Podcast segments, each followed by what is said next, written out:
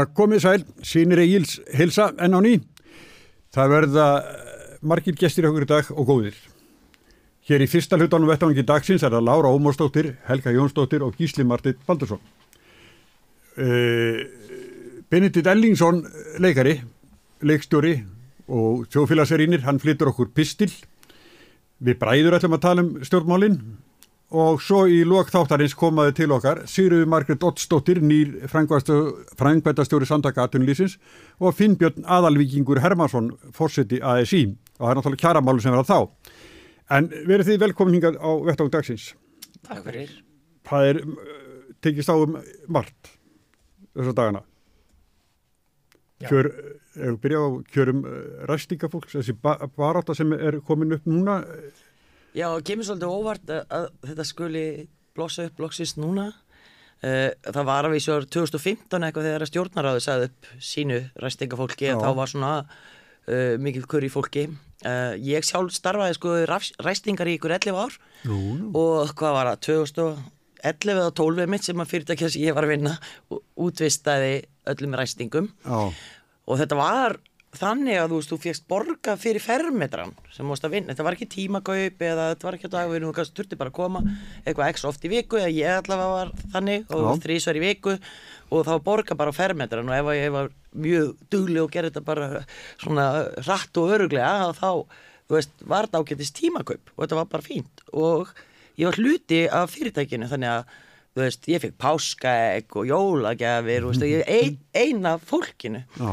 síðan eftir, hefur mér fundist eftir þess að það var útvist að, þá að ég nú unni í fyrirtækjum þar sem að það er gert þannig að þá fólkið kynnist einhverjum öðrum inn í fyrirtækjum launin hafa vestnað kjörin er honum bara hræðileg Mm. og hérna, ég veit ekki það þarf að gera eitthvað í þessu mér finnst það allavega, ég hérna finn mikið til með þessu fólki og ég las þessa skýslu og veist, þetta eru bara það eru á öllum sviðum, þeim líður ver þau eru með læri tekjur Já. þau eiga erfiðar með að hafa húsnæði þú veist, þau ná ekki að sum hver að kaupa sér heilbyrðistjónustu kjöt eða máltíðir sem eru næringaríkar uh, þú veist, allt þetta.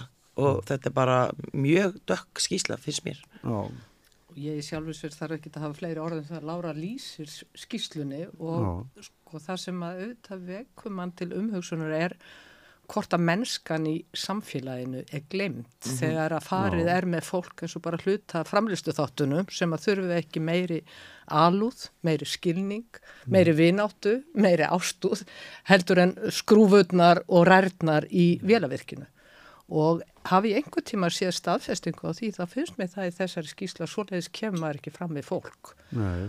og það sem meira er ég held að það sem ég þekki til að þá hefur að öllu leiti staðan versna þrifin eru lélæri e, fólkið e, sem að áður var þáttakandi á staðnum og gallið sem börnunum í skólanum og svo framvegis það er dottið í einhvern bás þar sem það er einangrað og útaf fyrir sig. Og mér finnst þetta mér finnst þetta eiginlega bara eins sorgleg staðfesting á því eh, eins og ég hefur nokkur stað að séð að samfélaga er það sem skiptir máli ekki einstaklingar og Já. að líta á einstaklingana sem eitthvað sem að megi bara hólfa niður og þurfi ekki samnið til aðra. mm. og þetta er þetta ódýrara að gera þetta svona fyrir Fyrir fyrirtækin Já. fyrir Fyrir fyrirtækin Ekki fyrir Skilurðu? samfélagið sem að Nei, tekur en fyrir fyrirtækin er þetta ódýrara og ég skil það svo sem alveg þau vilja reyna að hámarka sinn gróða það er það sem fyrirtæki gera og, en hérna þau, en þetta bara kostar samfélagi meira og það má ekki gleyma því að fyrirtækin verða stundum að muna það og ég er ekki að tala um bara grund í þessu tilvelja því að þetta er út um allt. Já, já. og hérna uh, það kostar að vera með einstaklinga sem eru svona vansælir og fátækir og líður svona illa. Það bara kostar okkur öll peninga og hérna fyrirtækin líka. Þannig að mér fannst allavega betra þegar að, að ég var svona hluti af fyrirtækinu sjálfu bara með og ég þekkti fólki sem var að vinna á skristofunni og, og, og allt það. Og svo, svo til dæmis því ég var på og það voru einsunu fólk konur aðalega að vinna þar við að ræsta og það þekktu líka alla sem voru að vinna á rúf en svo þegar þessu var útvist að og þá já, ég held ég hef ekki kynst einni mannsku sem að vera að ræsta Ég sem var þegar þú varst eins og niður ráðursinu. Ég, ég skrifaði fyrir ekkert svo mörgum ára síðan fréttum það að þetta fólk, þessu reyngjörningafólkið, það mátt ekki borði í mötunitinu í ráðusinu og það var þá stutt í ásátið eða eitthvað sko og það var, þau fengi ekki að fara að þanga. Þetta er, ég hef nákvæmlega sömu reynslusögu og Lára, ég skúraði Íslandsbanka þegar hann var hérna nýra á kirkisandi Eh, við, hérna, hérna ég og kærasta mín þá, nú, nú var hann kona mín. Við sem sagt vorum bara að vinna hjá Íslandsbanka og fengum með mitt sko einhverja glæsilegar jólagjafir sem bara sömu jólagjafir og hérna verbreyfamillarnir fengu. Sem að þá voru svona stjætt sem var að byrja og, og einmitt ef maður var að skúra setnipartin eh, hérna, þá, þá hitti maður fólki hérna á skrifstofan, má ég koma og tæma ruslið og eitthvað svona? Þannig að þetta er hluti af fyrirtækinu og, og hérna ræstingafólkið var með aðstöðunir í kjallara og svona. Og ég veit ekki hvernig þetta er hjá hjá Íslandsbanka núna en, en hérna, þetta hefur gerst með, með ræstingarnar í rosalega mörgum fyrirtækjum.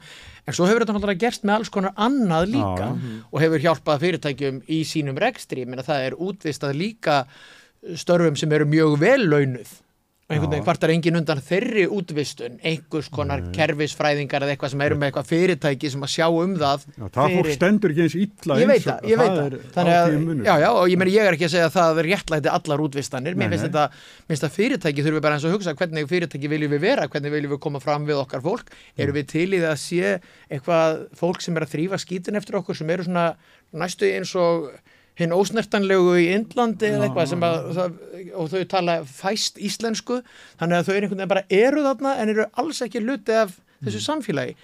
Eh, þannig að ég meina ég hérna, ég er ekki með alveg með lausnin á þessu af því að lausnin getur ekki verið bannað að útvista störfum, Nei, nei, nei. en fólk hefur líka séð þetta með að það væri tísku rosalega hérna fyrir nokkrum árum, ég held að sé aðeins minna núna að eiga ekki húsnæði sem það varst í. Fyrirtæki seldu húsi sem það hafði kannski byggt fyrir einhverjum áratugum Ríkir en þá þessu skatturinn hérna, fór í Einmitt. það að selja sitt hús Já. og leia bara hjá okkur verktaka Já. og borga það húsnaði svona cirka á nýja ára fresti. Einmitt, og allir, allir ráku húsverðina sína og allir síðan bara hringja eitthvað fyrirtæki til þess að vera þessu umsjónamenn fastegna og svona þá bara þegar reikningarnir komið þá var það miklu dýrara fyrir fyrirtækin og einhver réðu húsverðina aftur svona ég er ekki vissum að menn séu endilega að hugsa þetta til enda sko En en má ég aðeins henda á loftið það sem Gísli Martið segir af því að þetta er sko þessi mantra að útvistun mm. e, borgi sér fyrir fyrirtækin e, er eitthvað sem að sko ég er æ meira farin að draga í efa. Ég veit ekki hvort þið hefði lesið Big Con eftir Mariana Mazzucato sem er bara ein albesta bók sem ég hef lesið.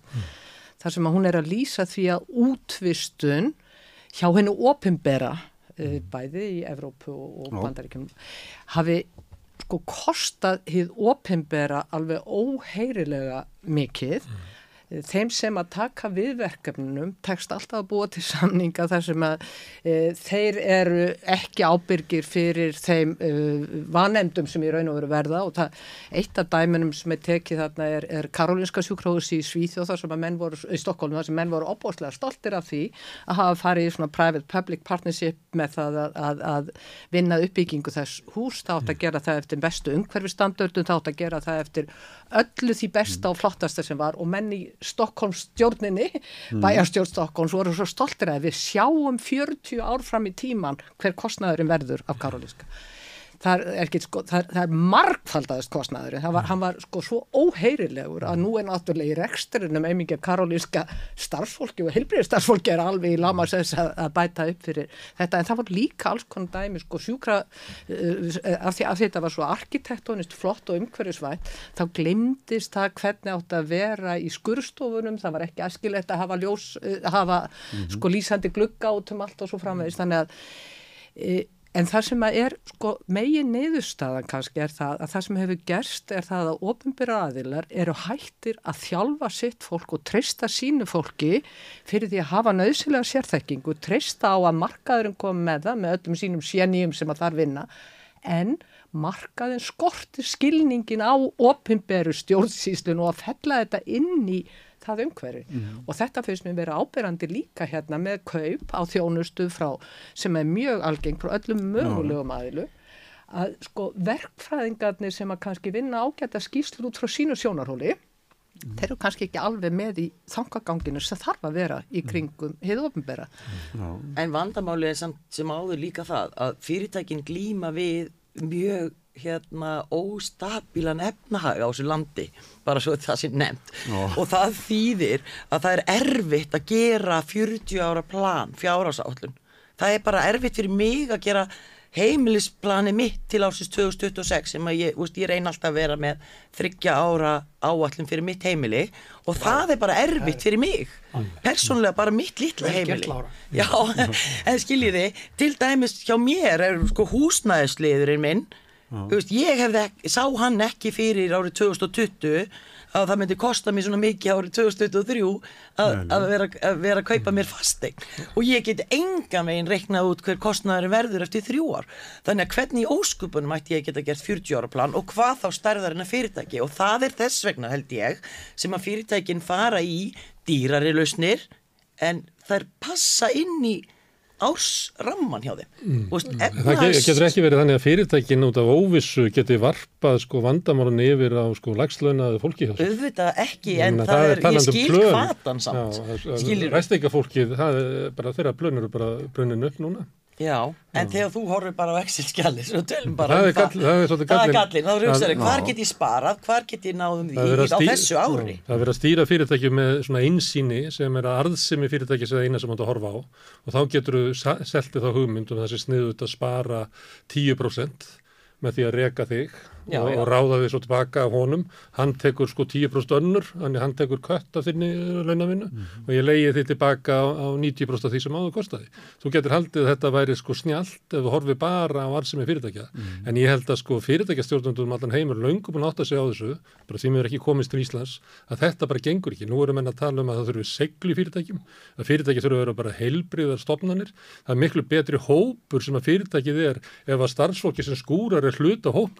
líðræðislegt atriði og, og spurningum að sko eitthvað svona sans í hópnum. Það, er ekki, það verður ekki góður hópur þú bara útvistar öllu og hvað það að vera bara verður að guttarnir að sitja eini við borðið og En ákvæða hvernig lítur á að vera sjá bygging að það er þetta efna þetta ástand hérna á efnaskerfinu hér. Setur okkur öll bara í uppnám. En við getum ekki eins og spáð fyrir ég get ekki eins og spáð fyrir hvað sko staðan á heimilinu mínu er um áramótin sko. fyrirtæki standa sér bara mjög vel þau eru að skila uppgjörum og þau já, bara já, standa þau mjög gera vel. það núna En, en hvað þá það fólk sem er hérna með bundnu vextina sem að breytast á næsta ári að hvernig allir því fólki í líði, það veit ekkert hvað tekur við, hvernig þetta verður, ekki neitt, nákvæmlega og bara, getur orðið margveldi sko. já, já það, hérna, og það er náttúrulega strax byrjað að ræða það líka í bara í tengslum við uh, lausa kærasamninga í, vetur, þannig að þetta verður, þetta verður verulega fróðlegt svona hvað upp úr áramótum kannski þegar, þegar þetta fyrir allt sem hann að gerast. Já, já. Það er náttúrulega alveg sorglegt fyrir fólk af minni kynslu að vera með þá tilfinningu að við séum aftur komin inn í tíma uh, þar sem að verðbólgan ræður ákvörðunum fólks og, og öryggisleysi fólks og það er, uh, en það sem er miklu verra núna heldur en var þá, er það að fyrirtækin hafa með sína möndru um það að í reksturinnum öllum að þá sé arðurinn og útgreðsla arðsins nummer eitt, svo kom allt hitt í kjölfarið. Og þetta er meiri sér hjá ríkisfyrirtæki, ég meina hversu miklu af tekjum ríkisins hefur, he- hversu mikið af þeim hef, hafa þeir fengið gegnum arðina landsvirkjun, arðina af Íslandsbank og svo framvegis. Þannig að ríkið er líka farið að styðja undir það að arðurinn komi nummer eitt og svo komi hitt. Og hugsið ykkur bara hvað það er algengt meðal annars með öll húsnæðisfélög meir og minna, þau eru að ganga kaupum og sölum Já, já. og þá er innleistur hagnaðurinn og næsti, næsta félag byrjar með sömu arðkröfu fyrir sig á hverjum bitnar þetta, þetta bitnar augljóslega á almenningi sem er að leia en það er En alveg dæmin sína það bara. dæmin sína það. Þannig að, að sko það verður einhvern veginn að, að reyna að end, eða hafa einhverja hugsun á það við séum samfélag og við eigum samþætta hagsmunni en einir hagsmunir sem eru arðhagsmunni séu ekki alltaf ofar öllu Og og, ég skil það það er- vel að, að fólki engar eftir vilja hafa arð. En af hverju viltu hafa arð sem að gera það að verkum að þú fjölskyldaðin geta ekki sko eitt í, í, í marga kynnslóði En svo er annað í þessu tengt líka að á sama tíma og, og innflutningsverð á vöru lækkar og það er alltaf mín reynsla að, að þá ve- lækkar verð aldrei. Þannig að þú veist, núna kostar bara út í búð eitt brauð næstu í þúsund kall. Bara hvaða rugl er það? hvernig stendur á því að mjólkupotturinn er að nálgast 300 krónur mm. og, og þetta er innlenda vörðnar, erlendu vörðnar sem eru búin að vera að lækka innflutningsverðar að lækka það er eins og það sé engin svona, það er ekki þannig að það sé sagt bara ok, við ætlum að hafa 40% framlegð til þess að geta borga laun og lalala eða segjum bara 50 eða hvað það þarf að vera Já, já, já. Svo þegar framlegin eikst í fyrirtækinu, í vestlununum, komin kannski upp í 70% út af þessu, þá eru þeir ekkert að færa sig aftur niður í 40. Nei, nei, nei, nei. Þeir bara gera það ekki. Eða, veist, ég hef allavega ekki orðið vör við það. Og ekki heldur þegar ég var að vinna sjálf í, í vestlun í mörg ár. Og þá, þú veist, þú var innkaupastjóri og, og svona var að sjálfa vestlun. þá var ekkert mikið verið að fara að lækka framlegin aftur. Nei. Það er Hér, sko, alls, rekstur er samt sem að þau eru víða basl, það er ekki allir að græða betur. á tá og fingri og það er ekkit skrítið að þau sem að reyka fyrirtæki séu að reyna að finna einhverja leiðir til þess að, til þess að spara, til þess að bara Mm. geta haldið fyrirtækinu áfram, ég meina Það mikilvægt. rekstur svona það eitt- og fjöl, rekstur fjölmila þetta er, þetta, það er bara basl víða veitingastæðir eru meira og minna á hausnum í Reykjavík Við verðum að hafa einhverja takmarkanir, við getum ekki verið að leia fólk og við verðum að hafa eitthvað samfélag. Einu Við sinni verðum ekkert að vera að setja mörkin og ég meina, þú veist, ef að það gengur svona illa fyrir því að reyka fyrirtæki hér Mhm. og þú getur það ekki, þá verður bara að fara til útlanda og gera það. já, Við getum ekki haft það alltaf þannig að Einmitt. starfsfólkið sem að þú verður að hafa, að verður að hafa svo leilega kjör hérna til þess að reyka fyrirtækið, að starfsfólki bara gefst upp og fer. Það er ekki hægt að alveg börnina, það er ekki hægt að vera með fjölskyldu hérna og við erum bara farin. En ekkert verður að segja, bara fólkið fyrst, er það ekki eitthvað gaman slagur hjá... það er Já, gammalt, er- það er, er- bara, það er Það er slagorð Svo allt allt hitt besta slagur stjórnmála flokksæti en, en já, ég, ég ætla bara samt að segja sko, það er alls konar bara tökum hérna, þú veist, jólaskreitingar. Einu sinni gerði starfsfólki það sjálft en núna eru fyrirtæki sem kemur og setur upp jólaskreitingar fyrir Já, alla. já, það er ekkert óeðlilegt við það að þetta sé gert í einhverju tilvikum. Það er bara, það er einhver sérhæfing og eitthvað svona Ég veit ekki, ég, ekki slega, það er til hérna í Ameríku Já. að þeir hafa áhyggjur af svona hvert samfélag sitt er að fara. Að þá er svona stemming á meðal svona eldri, eldra fólks svona seinustu árum hérna vinnumarkaðins um að sko við sem að missa samfélagið eitthvað niður. Og það er þannig að þú átt að slá garðin sjálfur. Mhm. þú átt ekki að ráða mexikanstan lálunamann til að slá garðin Já, akkurat. ef þú hérna, getur ekki slegið garðin sjálfur búð í blokk já, og þannig að þá höfum við að segja það ef þú getur ekki skreitt fyrirtækið þitt Já. með jólaskruti og haft gaman að því Já.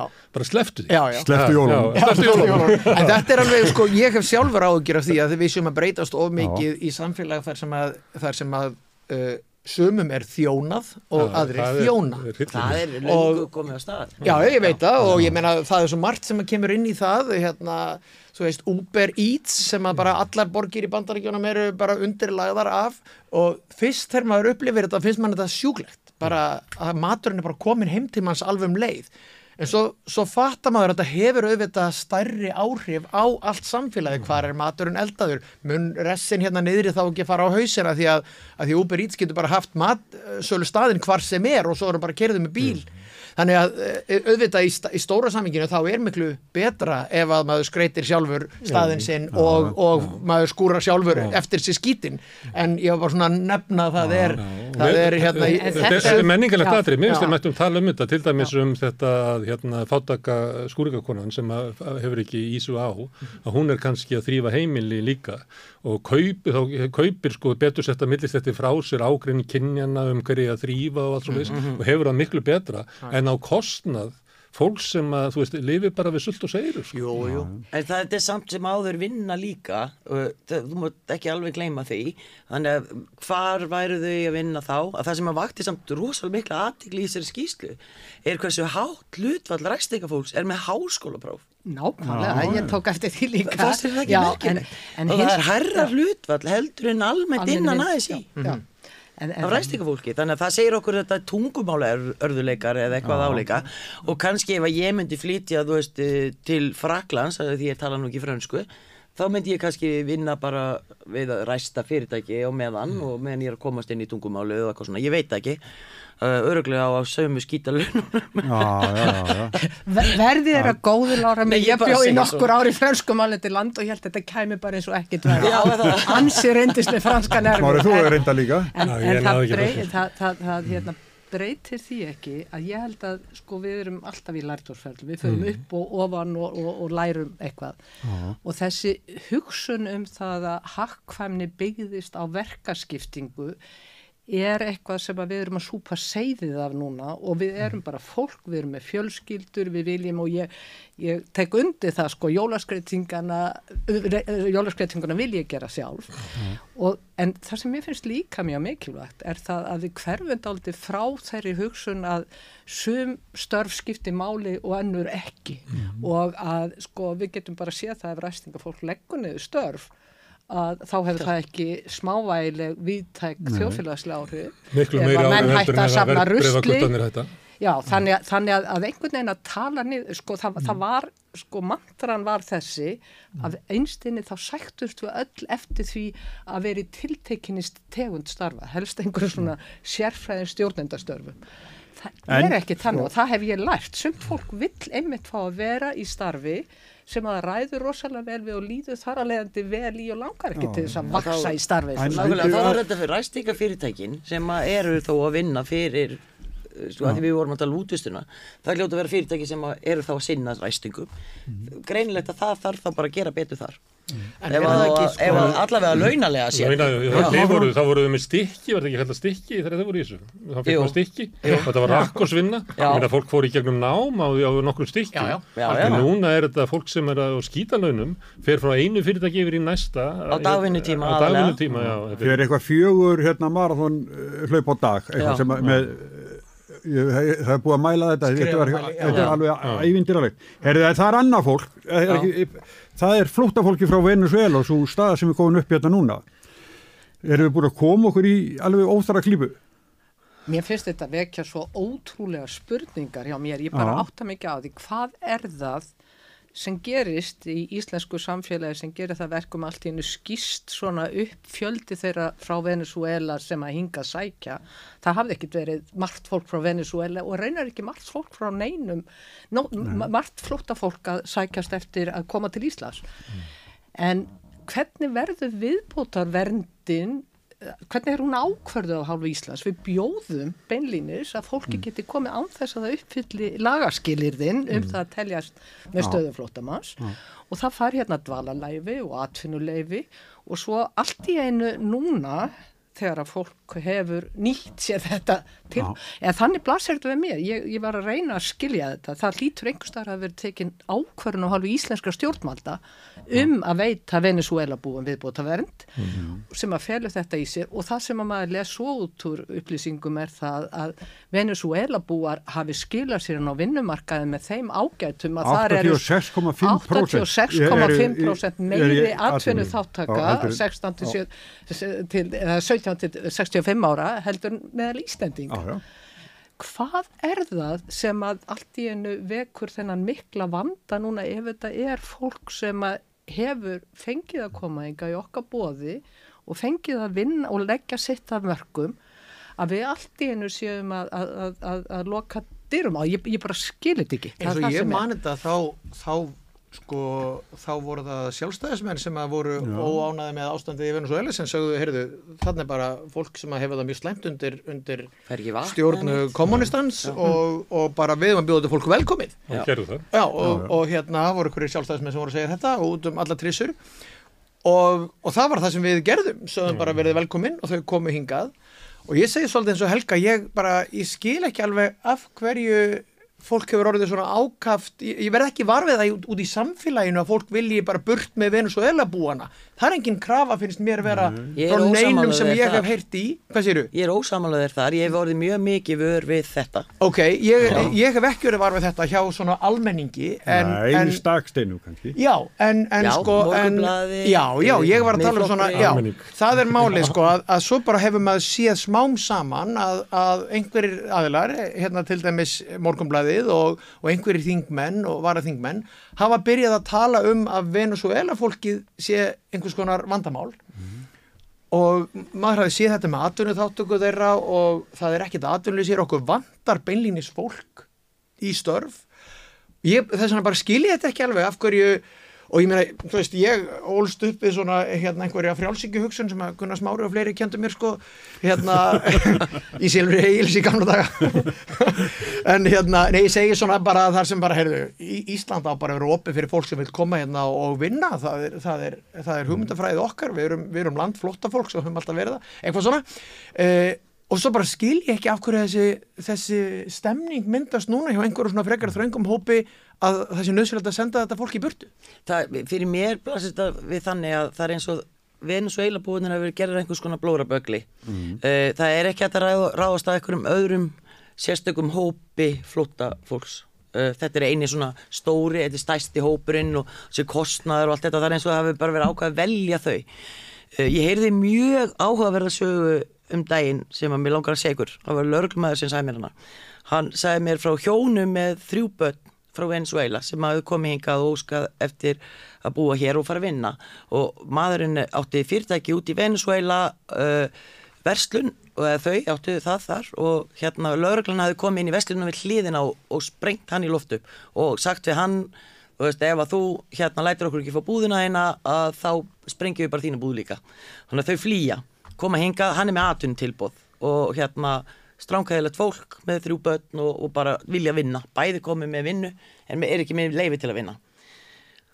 Og svo sagði mér frá manni sem að var að koma í 78. skipti í skýslutöku hjá lauruglu vegna glæps frá Sjenginsvæðinu sem sagt, innflýtjandi líka bara það er ekkert það er, það er ekkert í lögun sem segir að með Reykján landi, hann hefur aldrei unni hér. Uh, hann er bara uh, hérna ripbaldi sko.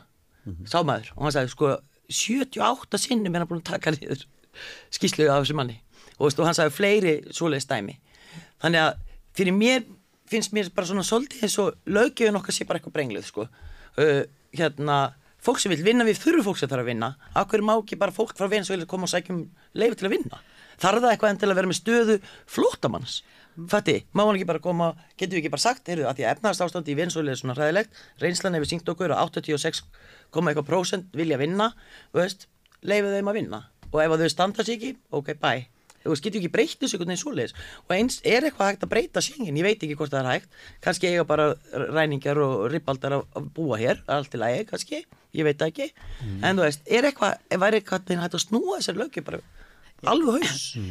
Ég held að við verðum að horfa til þess að, að sko, þessi viðbótavernd sem af einhverjum ástæðum mm. uh, fjell á uh, annars vegar Úkrænu og það þekktum við öll og við heyrðum umræðinum og við vissum forsendurnar og þjóðin sennilega svona nokkuð sameinuða baki því að styðja Úkrænu fólk en Venezuela bara einhvern veginn gerist þetta og þá eina sem að ég get séð er það að það var náttúrulega tilrönd til stjórnarskipta að koma þessu mm. kommunísku öflum frá og fórsetið þingsins átt að taka við og bandaríkjaman vildu mm. styðja mm. það og hvort að það getur að vera eitthvað meðvitað svoleið sem að bjóa baki hjá okkur en allavega þá buðum við alveg sérstu kjör fyrir þennan hóp og það er það sem að veldu mér hugarángri að maður ætli að henda einhvern burtu. Varðandi sko Schengensvæði þá er þetta náttúrulega bara hluti af evróska efnahagsvæðinu, mm. frjálsi flutninga fólks.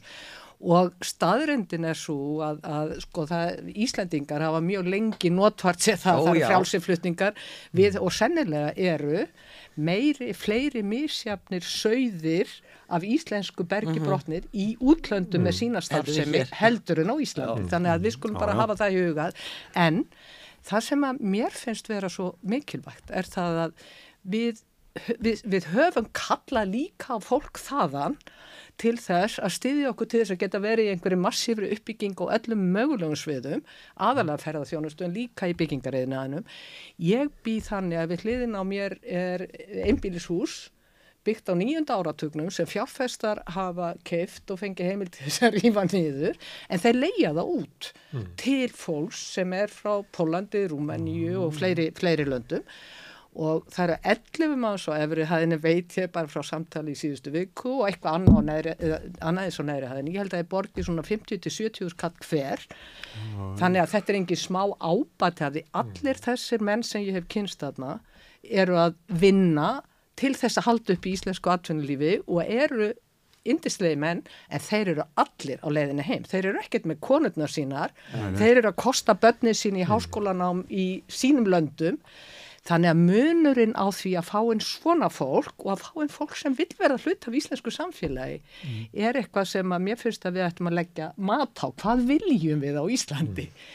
Mm. Þetta, og, og það að við getum haldið upp í grein eins og ferðarþjónustunni með erlendu vinnuafli engungu, nánast. Já, já, Eh, sko við getum ekki haldið því uppi svona öðruvísi. Við erum ekki að auka framleiðinni í íslensku samfélag. Við erum að auka hagvöst per einstakling en við erum ekki að auka á framleiðinni. Þetta er ekki hálaunastörf en við erum að raun og vera að skerða lífsgæði sem Íslendingar hafa alist upp við að geta farið í sitt hálendu á sína ferðamannastæði og fundið auðnina og umhverfið allt saman.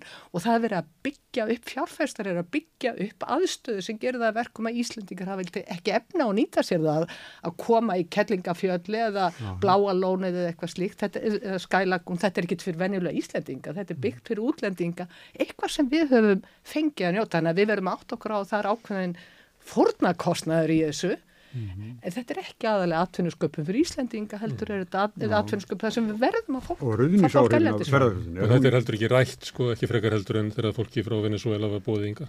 Þetta er ekki rætt í samfélaginu, þetta bara gerist. Já og það er Þessu svo skrítið við þessu úrskurði núna hjá kærunemdini að allavega í einu tilfellinu og það eru þarna hjón og þau sko sækjum áður en að lögunum var breytt þannig að þau- koma hingað þegar að það var viðbótalefi en þau eru samt, það er samt verið sendaði núna. Þannig að þau koma hingað þá uh, í þeirri trú að þau fái viðbótar vend skilur þau vita hvernig lögin eru þegar þau koma.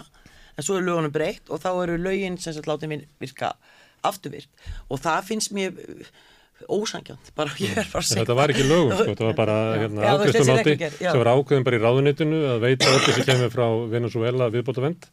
Svo bara hættir ráðuniti við þetta og það sem að úrskur, úrskurðunemdin eða kærunemdin hafði ekkit fjallað um mál frá Venezuela fyrir en eftir að sko, ráðunitið skiptum skoðun og vildi ekki eh, veita þessi, þessa viðbótavend.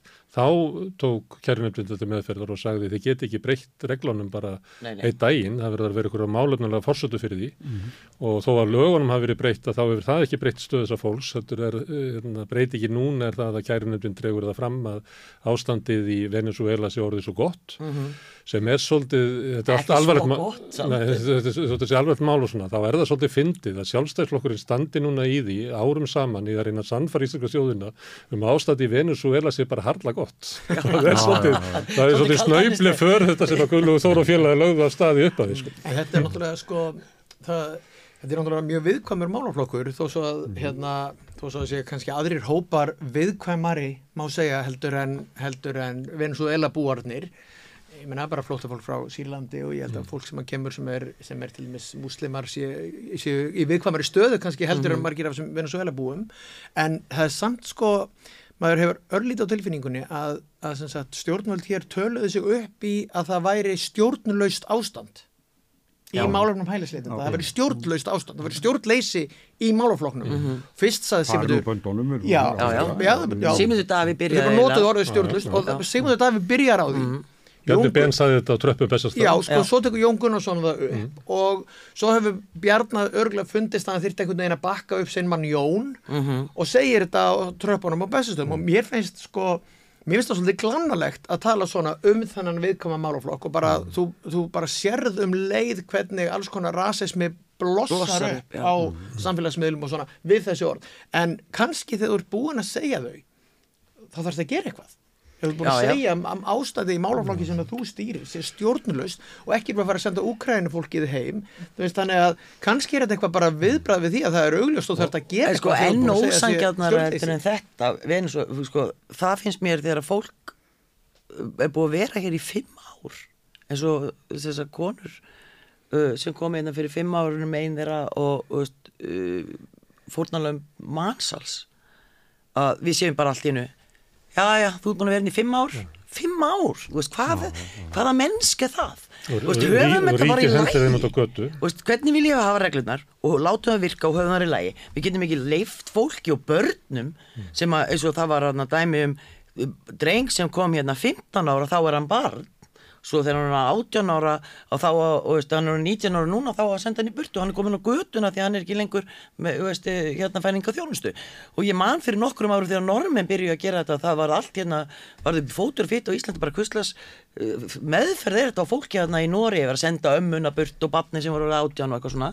Og veist, erum við komin þangað? Eða, veist, e, mér finnst bara að þurfa að laga lögin bara frá A til U, mér finnst þau bara gölluð. Það er alltaf þetta inn einhver svona uh, einhver börn Já, það sem vantar er svona verið að- mennsku inn í þetta, já, og börnin við erum við erum búin að staðfesta barnasáttmála saminuð þjóðana og veist, lokarítkynni mín í kennaraháskólanum var um barnasáttmála saminuð þjóðana og við erum ef, aftur og aftur og aftur að brjóta á réttindu barna. Og það finnst mér vest sko. Ég satt í öryggisráðu saminuðu þjóðana þegar að var saminuðu þjóðana var, var rættur af þjóðarleitöfum og mér man eftir því að það var eina skipti sem ég hitti Möggu Tatsir og hlustaði á hann og hún, hún gerði sitt askoti vel þar, Vaslav Havel og fleiri en þar voru þjóðarleitöfur að samænast þarna um þessi réttindi barna, þetta sýnir bara Já. hvað ég er gömul en það, það er doldið mikilvægt þetta sem að Gísli Martin er að segja við erum að tala um málaflokk sem er alveg ótrúlega viðkvæmur og viðkvæmur allstaðar og það má ekki gleyma því að þegar að svona uh, tilbúð eru gerð af hálfu ríkistjórnarinnar eins og til þeirra sem áttu, uh, gá- máttu koma frá Venezuela og hinna sem meiga koma frá Úkrænu, þá þýðir það alveg rosalegt álag á innviði sveitafélagana og það verður strax til þess að vekja upp einhverja umræðum það hvernig á að breyðast og við, en, en það sem að sko mér finnst merkilt þegar ég var að reyna að skoða þetta, mér sýnist að það verður bara viðráðlegu fjöldi þeirra sem að sækjast eftir vend á Íslandi alveg fyrir utan þessa tvo hópar sem er hvort þannig að ég held að ef við værum bara ekki að gefa út svona tilbúð að þá værum við að, að, að takast á við það að flóttamannavandi er sameigilegt viðfóðsefni allra ríkja heims og sá hópur sem til okkar sækir er ekkit starri heldur en svo að við getum syndunum. Og hefur ekkert verið að auka sko. Nei, hefur ekkert verið aukast. Það sem er aukast, aukist er hérna fólk frá Venezuela og, Nákvæmlega. og Ukraina. En, en það sem skiptir svo miklu máli er það að stjórnvöldin þau þurfa að tala samræmt um þetta, þau, verða annars vegar ef þau vilja sína, sína þáttöku í alþjóðleiri viðleitni til þess að létta örlu og flotta fólks að þá verður líka að tala inn í sitt samfélag til að óska eftir umburðarlindu og skilningi fólksins sem hér býr á því hvað felst í því. Og það er það sem er alveg eh, sko, geysilega mikið áhyggjuefni eh, er, er það að eh, það, það hefur kannski mislukast hjá okkur á, á, á síðustu mánuðum. En við eigum ekkert að loka augunum fyrir því að í löndum þar sem þetta er mikið aðstreymi að þá er þetta verkefni sem að er að ógna líðræðinu beinlínis af því að það hefur ekki í þjóðríkjunum skapast einhvern veginn skilningur á því að þetta sé hlutverkið sem að eigi að, að, að axla. Ég ætla að skjóta inn að varandi Venezuela að hérna, eina sem er öðruvísi á Íslandi heldur en bara í næstu löndum er hérna, þess, þetta tilbóð sem að var sett til Venezuela. Það er engu öðru land í Evrópu sem datt þetta í hug að, að, að fólk frá Venezuela fengi viðbóta vend og fjögur ár. Þess vegna kemur svona hlutvarslega fleiri til Íslands frá Venezuela til annars þar. Það er ekki fleiri flóttamenn að koma til Íslands hlutvarslega eh, frá Sýrlandi, Afganistan, Sómalíu eða nokkru öðru landi þar sem eru raunverulega átök og þar sem við erum skuldbundin, við erum skuldbundin á alþjóðlega sáttmálum að taka við fólki sem eru að flótta. En því miður þá er hérna, umræðan orðinsluðis og bara á æðstu stöðum um það að hérna, hérna sé eitthvað fólk að koma þessi uh, þetta eins og að sé næstu innrás að við þurfum að verja landamærin okkar hérna, og auðvitað getum að kvartaði við eitthvað sem er að skrifa eitthvað á Facebook og svona. En vandamálið er náttúrulega þeirra ráðherrar og ráðafólk að byrja að tala svona. Það Ég- er stór hættulegt. Við náttúrulega munum þá tíma þegar sko það voru uh, hérna, manni, manni ég er bara það barnalegur að mér finnst ennþá bara stórkostlegt að fólk vilja koma til Íslands og búa hérna. Vist, ég er alveg upp við allt er betra í útlöndum hérna, Ingólfur í útsýn þú veist, eh, raunverulega bara ég, og þú veist, og ef maður sá ferðamann á göttuhotnum, maður bara hljóp til hans til þess að reyna hvað að hjálpa honum og vísa honum til vegar og, og hvar væri næ- næsti restaurant og svona, svo hefur náttúrulega allt, allt sem að breyst og allt í Ísland orðið rosalega hérna mikill tísku áfangastaður þannig að, þannig að hérna, það líka komið svona andúð á ferðamönnum sem við einu sinni dyrkuðum að fá. Og sama með bara, veist, það að einhverju vildu flytja til Íslands og setjast hérna að maður var bara rosalega þakkláttur þessu fólki hérna í gamla daga og maður gæti eiginlega nefntu öll með nafni sem hefur komið hingað og hérna og sko gerðu grjótaþorpið upp og, og hérna kendu frönsku og þýsku og störtuðu ferðamennskunni hér sem að var Störtu tónlistarkenslu, myndlistarkenslu Nákvæmlega, já, þannig að sko ég er svolítið ennþá með, með hérna, þessa tilfinningu að bara að ef að ef þetta, þetta fólk frá Venezuela vil koma hingað og gera okkar mannlíf hér fjölbreytilegra og, og hérna skemmtilegra þá er ég bara þá er ég fyrst og fremst þakkláttur fyrir það. Svo er Íslandingum að fjölga eins og fólkinu sem að býr í næsta húsi við þig, það sem er 11 á efri hæðinni, það sem er verið að rukkað og mókur leigu fyrir húsnæði sem er ekki mönnum bjóðandi að þeir búið svo margir þar og þeir eru að fá skýta laun í vinnunni sinni og það er verið að fjölga Íslandingum með þessum hætti og það er náttúrulega bara grefur undan Íslandsku samfélagi og bara menningu Íslandinga. Er, na, það er svo margt að vera, þegar maður er að tala alltaf við fólk sem að þekkir þá sem er að vinna í ferðarþjónustunni, þá er alveg augljóst að þeir sem að hluti ferðarfyrirtækjana er ekki bara að græða á túristum, þeir eru líka að græða á innflötu vinnafli. Já, sumið er að meira segja, sko, sum fyrirtæki fá inn uh, fólk til að vinna gegn bara því að það fær húsnað og mat, sko. En ég er ekki, sko, ég, ég er bara svo að það sé alveg á hreinu að þessi nágranna mínir sem manneskur er þetta eins indislegir einstaklingar eins og ég hef kynst þeir eru svo hjálpsamir. Mm. þeir þykja ekki bjóra þökkum þegar þeir drekka ekki og þetta, þetta er Þetta er ekkit eins og þetta, en þeir eru bara ekki hlut af íslensku samfélagi að þeir allar sér heima. Við getum ekki breytt íslensku vinnumarkaði í einhverja verbús, þar sem að fólk er að vinna skýta launum og býra verbús. Það er nákvæmlega það þeir eru hérna í verbúð þessi menn og það er það sem ég er að tala um og það er það sem að mér finnst svo sko einhvern veginn átakanlegt að við okkur skortir svo víða sko einhvern veginn langtíma áallin og sjá hlutina í heildar samhengi. Og erum við með því hvernig við högum okkur í ferðarþjónustunni með sjálfbarni að leiðarjósi. Mm. Þetta var náttúrulega dásanlega tímar eins og Gísli Martin segði þegar maður bara láfaði maður faðmaði sérkvæmt ferðamann en ég er ennþá þannig að mér finnst indislegt að fólk vilji koma hingað og njóta Íslands en það má ekki verða svo mikið að það fari yfir þólmörk og spurningin er, er það farið að gera það nú þegar? Er, er umræðan um það hvernig á að nýta orkuauðlindir Íslands komin yfir þólmörk ef það stangast á við hagsmunni náttúrunar sem er, er svo mikilvægt? Er ekki augljóst að við förum yfir sjálfbærni kröfuna þegar við rástöfum fjörðum vestan, fyrir vestan og fyrir austan í yðnað sem að heiti sjókvíaeldi sem mm. er að hafa þau áhrif á viltu lagsastofnana að við erum bara að það stangast á við alla skuldbyttingar okkar um fjölbreytni í lífríkinu. Og það er farið að ógna sko einhverlega svona hugmynd okkar um það hvað Ísland er. Og þess vegna verður við einhvern veginn að taka umræðuna innan hvað er það, hversu langt vilju er það bara stjórnlaust sem að, sem að af því að hagvöxturinn og ég vil bara segja að, að þessi hagvakstar hugsun sem að byggist á því að þú sértir bara með betur statur heldur nokkur annar af því að hér er verbolga og hér er hagvöxtur umfram það sem er annar staðar en við erum að nýta auðlendindin okkar þannig að það, er, það verða ekki fyrir næstu kynsluðir. Mm -hmm. Þegar, ef við erum að nýta fyrðina þannig að þeir eiðilegjast, ef við erum að mhm. nýta og ofnýta landin með öllum, öllum þeim hætti sem við erum að gera og það sem ennþá er vera því að innviðnir hafa ekki verið byggðir upp til þess að takast á við þennan fjölda. Við erum náttúrulega að ganga svo næri heilbreyðiskerfin okkar, félagstjónustukerfin, grunnskóla, öllum þessum kerfum sem get ekki tekið við svona hröðum breytingum. En Helga, þú ert að fara fram að við ræðum saman um, í pólitík um hvað svona samfélag við viljum byggja upp. Já. Við erum laungu hætti, við, við búum á tímabili sko nýfrálsökunar, þar sem við trúum því að með því að á að besta samfélag útrússu. Þannig að við eigum ekki að vera að ræða um það hvernig við viljum hafa ferðarþjónustuna, hvernig við viljum hafa innviðina, hvernig við viljum hafa hérna, taka mútið innflytjum og svona. Þetta bara kemur og kemur alltaf besta niðurstan.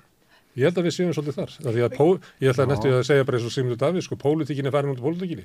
Það er pólitíkin alltaf að röfla um einhverju svona tæknilega atrið. Jú, jú, ég, sko, ég held einmitt að, að fyrsta spurningin eigi að vera nokkulega hvernig samfélag viljum við byggja upp. Mm. Ég er sjálfur mjög þakkláttur hérna, ferðmennskunni að því að mér finnst hérna, Ísland vera miklu betra land út af túristónum eh, rosalega margt jákvægt hafa gerst út af ferðarfólkinu en þau eru mörg og þau eru álágu innviðina eins og Helga segir, ekki síst hjá sveitafjölugunum sem að eru í basli meðal annars út af þessu. Og fjölga fyrst og fremst lálunastörfum sem er ekki gott. að, það, það er vissulega rétt að það eru mörg lálölu störf en það eru samt sem áður störf og það eru störf sem allir fólk frá öðrum löndum vil koma til þess að vinna og það, það er líka jákvægt að við séum með fullt af störfum, það er betra heldur en atvinnuleysi.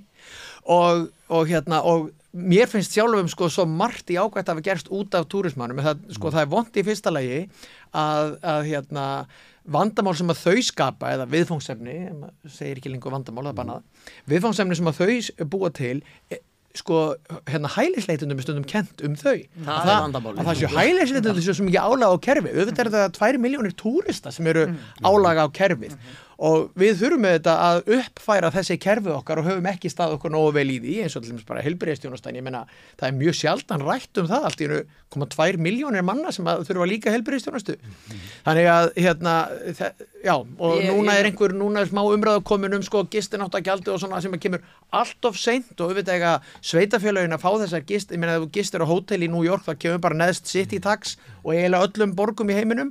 Og sveitafélagin þurfa bara að fá þennan pening sem að, sem að hérna, kemur með þessum þessara ferðamenn sko af því að það þarf að þú veist að það þarf að skipta oftar um gangstéttir af því að það eru fleiri túristar sem eru að lappa ón á þeim. Mér finnst nefnilega að, því að þú nefndir áðan ekki núna rasismann og svo þetta með uh, álægi innmiðina uh, mér hefur nefnilega þótt stjórnvöld ekki tala nú skýrt þegar þeir eru að tala um að allt sé stjórnleysi hérna í einhverju málaflokki.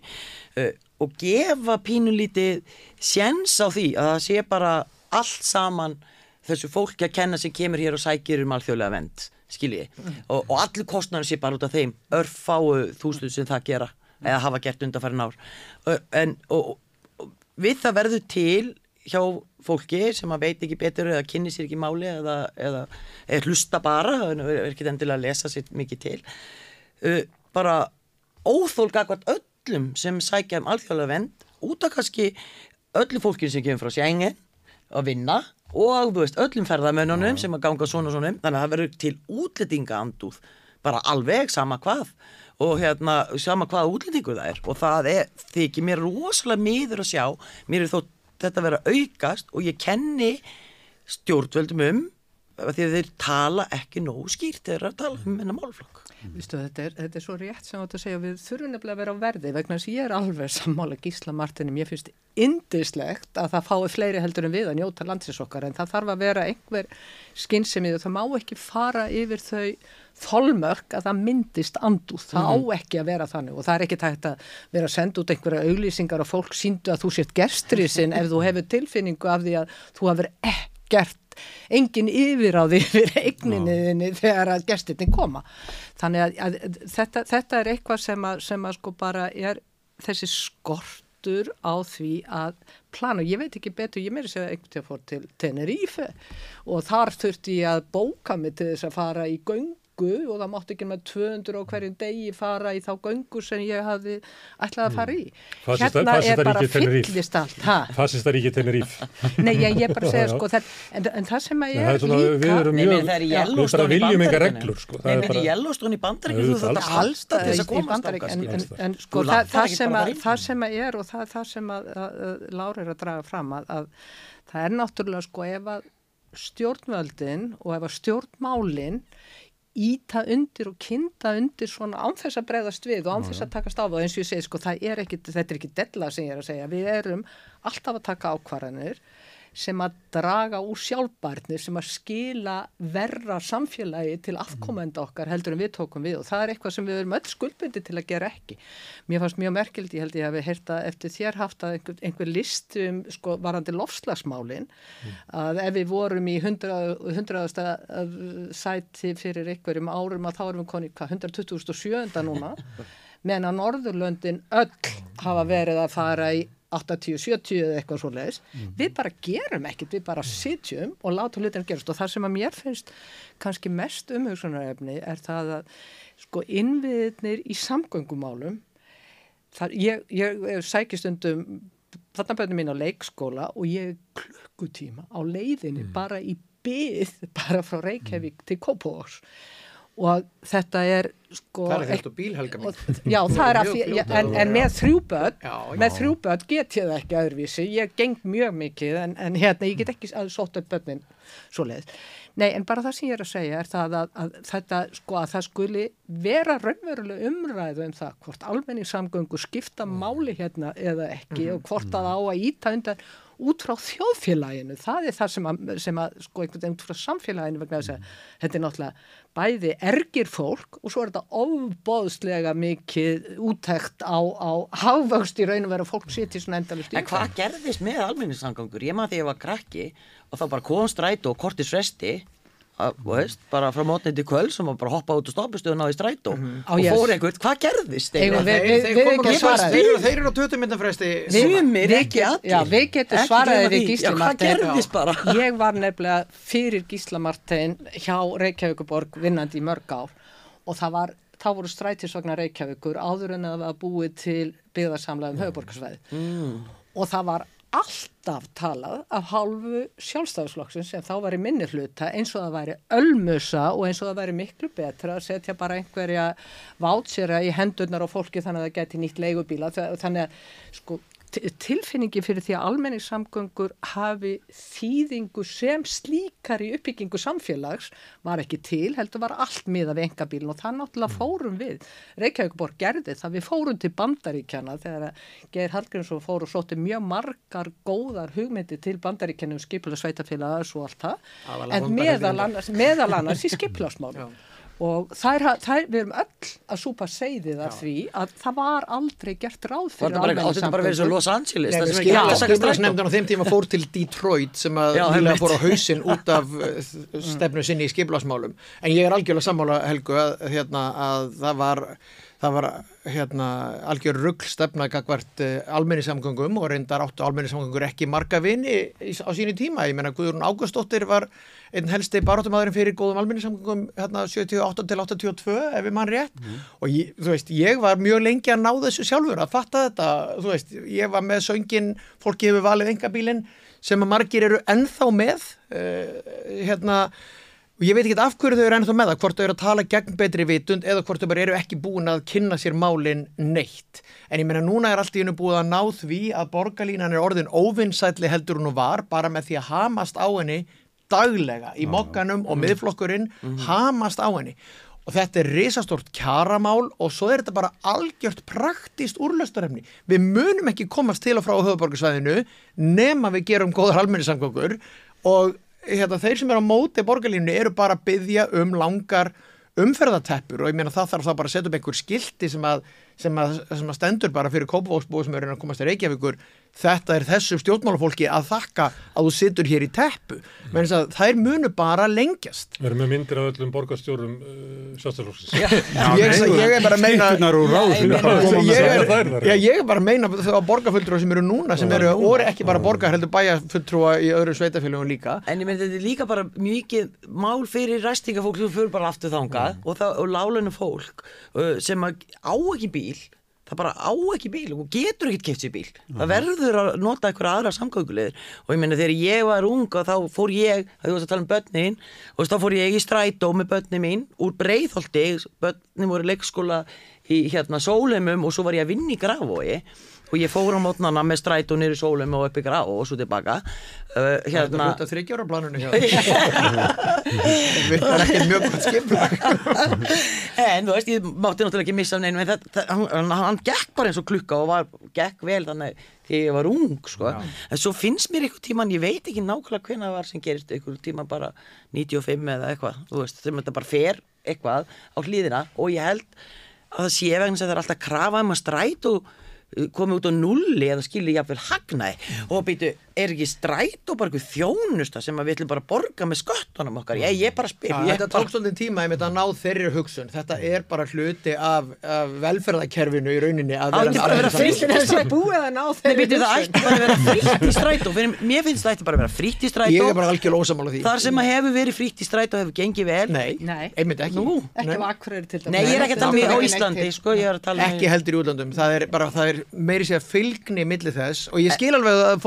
Ég er ekki að um ég er að um það er er ég að að þetta sé gott svona en fólk sem er raunverulega reyðir sig á strætó er ekki að byggja um að sé ókipis það er Nei, bara að byggja um ok, áræðina 100 kall þjónustu. En, en, en það sem er auðvitað er það sko þegar ég satt hérna í teppun í fyrra dag með, með þetta er reyndar dóttur dætur mínar Já, ekki bönni mín Já, þannig að, að, að hérna að þá er strætó í sömu þrengslum, hann komst ekkit áfram. Já, það það er ekki engin- sér Nei. akreina fyrir strætó nema mjög óvíða. Einmitt. og meðan að hann ekki hefur forgang og þess vegna er það sem borgarlínan eða einhver útfæsla á því verður að vera. Það, Já, er, já. það er ekki, þetta er ekki spurning held í aðalum peninga, heldur bara möguleika í því umferra kerfi og Borgarlína innviði er ekki höfum. bara aðeins, aðeins betri strætó. Og það bara fekk þetta nafn Já. og allt inn er þetta nafnorðið bara eins og, eins og hérna sko. Mac- Macbeth í leikhúsinu skilur þú þarft að snúa þér í þrjá ringi og skirpa ef þú segir orðið borgarlína í ákveðnum kreðsum sko. Þetta er svona, hefur ja, sömu ári yfir svo apartheid eða eitthvað svona sem politískt mál. Herra, ég meina tilhugu, hérna, ég- að því að við erum að tala svolítið um,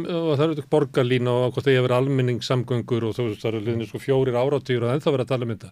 Hvala málið kom upp og það er alltaf að koma upp bara ólist mál sem að þetta samfélag getur ekki list þessi mál. Við byrjað að tala um já. 2011, Já. sko, það var alveg nöðslega að gera það, nú er komið 2023 og það er ekkert að gera þetta. Þannig að við erum samfélag sem getur ekki tekið ákvörðun um nei- neitt sem eh, skiptir máli, ekkert sem er brínt og, og þannig að þið voru búin að líka vera að tala um óvild og útliti, þannig að hún vex útlendingaanduð og óvild í samfélaginu. Er ekki bara ómikil óvild í þessu samfélagi? Þegar þeir eru að tala alltaf sem alminni samgöngur að óvild gagart fólki sem nota stræt og óvild gagart hérna, fólki sem ég- fólki sem keirir. Ég held að svona heilt yfir erum við nú hérna frekar svona ok, umhverfis ok, og góð, sko. við erum- gott fólk, við erum gott fólk, við erum ákvarðanafæling kannski. Við erum gott fólk, við erum gott fólk. Að þegar við setjumst niður og ætlum að taka okkur ákvarðanir að þá fara allir að viðra óvild sína og þannig að Já. við, en hvernig stendur á því að við, getum ekki tekið neina svona og þið eru að tala um stefnu sína og vera í ykkur sátt við samfélagið? þau hafa enga stefnu og það það sem er vandin það er ekkert búið að setja og svo bara segja allir það verða alltaf til hérna einhverjar samstefnustjórnin þannig að enginn hefur neitt sem hann, hann grunnurinn. og menn horfa upp á það að í samstarfi ólíkra flokka þá er varpa fyrir róða eitthvað sem á að vera heilög stefna hjá hverjum flokki fyrir sig. Þannig að það er engin stefna og það er það sem að ég held einhvern veginn að, að, að við, við verðum að, að, að takast á við með öðrum hætti heldur en gert hefur þegar við mörgum stefnu við mörgum stefnu með nýja stjórnarskrá. Hvað gerðist? Ég Hún er tekin herskildi og það er ekki end fyrirheit sem að þjóðin hafði fengið. Það vísu var það aðeins með meinbúr á, það kom fram í, í samtali ykkar við Eirík Tómasson, mér varst merkilegt að heyra Eirík Tómasson segja rángur hæstæri þetta dómar af því að ég, ég var þeirra skoðunar að það var náttúrulega alveg ósvinna fannst mér að, að, að ógilda þe- kosninguna út frá því og gera bara stjórnlega ráðið að ráðgefandi aðila. En það gaf þeim sem aldrei vildu breytingarna, sérstaklega var þetta auðlinda ákvæði, bara blúb tannin eins og sagt er á góð, góðu máli. Og þetta er alltaf að gerast. Við þekkjum bæði til þess að það var uh, almenn kostning eftir öllum réttum leikreglum um framtíð Vassmýrasvæðisins sem að borgar yfirvöld í Reykjavík fóru með. Og það var samstíkt fyrirfram að við, menn ætluðu bara að sætta sig við það, svo ef þetta var þáttakan ekkit e, mjög mikil og það sem meira er munurinn á milli þeirra sem vildu og vildu ekki var lítil en það var niðurstöð, það var ekkit hægt annað en taka niðurstöð Þannig er lýðræðið, sko. hún hefur bara, já, en hún hefur verið tekin í gíslingu svo nýðustu og það er eh, sko yfirvöld í Reykjavík hafa aldrei átt þess kost að fylgja því eftir sem samt sem áður. Og það var alveg jöfn aðild ríkisins að eh, alla möguleika til áhrifa á hérna almennu umræðu sem átt að vera í undarfara þess. Það voru bæjarstjórarnir og akkurir og víðar út til land sem að tók þátt í og svo framvegis. Og þarna fjárst niðurstöða. Það er bara ekkert með hana gert og það er alltaf látið eins og það hafi ekki orðið niðurstöða. Þannig að ef við út með samfélag, það að minnstakosti enn þá held ég að sé þannig að fólk á Íslandi hlýtir dómum. En það hlýtir ekki einu sem, svo, sko, eins, eins, eins, eins og svo vera kostningar eins og í meina- og allt þetta, sko, hvað, En það skiptir líka einhver málu meðan við erum með uh, hérna stjórnarskrá þar sem stendur, uh, veist, að ráþæra byrja ábyrð á sínu ráðuneyti og við erum bara með ráþæraræði að þá verður náttúrulega ekki samstarf. Það þarf ekki samstarf, þú er bara með samgönguráður hann ætlar að gera þetta, þú er með dómsmáráður hann ætlar að gera þetta. Og hver og eitt ráþæri má í rauninni ekki skipta sér hinnum uh, þannig hefur það verið í alla okkar líðveldist tíð fósættisræð þeirra getur jú vikið kannski ykkur um einu ráð þeirra en þá splundrast náttúrulega ríkistjórnun og verður engin ríkistjórn þannig að ef að ráð þeirra hver og einn er bara með sjálfs ákvörðunar rétt í sínu málaflokki og þarf ekki eins og hlust á hína sem Já, er hlusta eitt sko, það þarf hlusta á fjármálráðurann þann eina. Þú mátt gera allt sem þú vilt sem að ég er til í að fjármagna. já, það er eina. Ef ég er ekki til í að en það er líka það eina en þú getur gert hvað sem er fyrir þann pening sem þú fær og þá er náttúrulega ekki engin samskipti og þá er engin samvinna og þá er fólk ekki að reyna að leita lausni sem að maður hérna gerði ofta sem kennar eitthvað, já nú skulum við setjast niður og ræða okkur niður á okkur og lausna okkur vandamáli. Það er ekkert gert í ríkistjórn Ég er sko, ég, með þetta með óvildina og svona við náum ekki leysanguverkefni, það er alveg rétt að, að, hérna, að það er ótrúlega margt sem að við bara veginn ræðum ekki og leysum ekki og það er líka, hérna, ég var kannski bara svona óþróskaður að það tók mig svolítið tíma að snúa spurningunni við og hætta að spurja bara ok, heyrðu, hérna, þú ert einhver manneskja sem borgar skatta og hvernig á það að vera í staðin fyrir að spurja fyrst hvernig samfélag viljum við?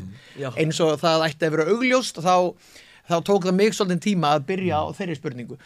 En mér finnst mér finnst þetta samfélag vera rosalega gott. Já, ég, ég var, var náttúrulega lengi úti í sömur, ég kom tilbaka og ég var bara ég er bara stór hrifin af íslensku samfélagi það, ég er ekki að segja, mér finnst mjög margt vera að, en til dæmis bara stjórnmálafólkið okkar sko, ég er, ég er til dæmis bara stoltur af Katrín Jakobsdóttur þegar hún er einhver starf í útlöndum að tala eða koma fram fyrir hönd íslensku þjóðarinnar eða bara eitthvað að tala hérna heima. Og ég er engin, ég er engin sérstakur stuðnismæð vinstri grætna og hef aldrei verið en mér finnst hún bara að vera flott manneskja. Ég er ekki sammálenu um allt. En þetta er manneski sem ber virðingu fyrir líðræðinu þetta er manneski sem að e, vill gera gott samfélag og ég held að ef við myndum ef hún myndi útlista hvers konar samfélag hún vill þá held ég að sko meirilutu þjóðarinn að gæti svona nokkurn veginn felt sig við það samfélag. Það er ekki öll, og ég ætla að gefa ykkur lofræða um Katrinni, ég gæti sagt þetta um fleiri stjórnmálarleiðtoga. En hvað er stendur á því gísli?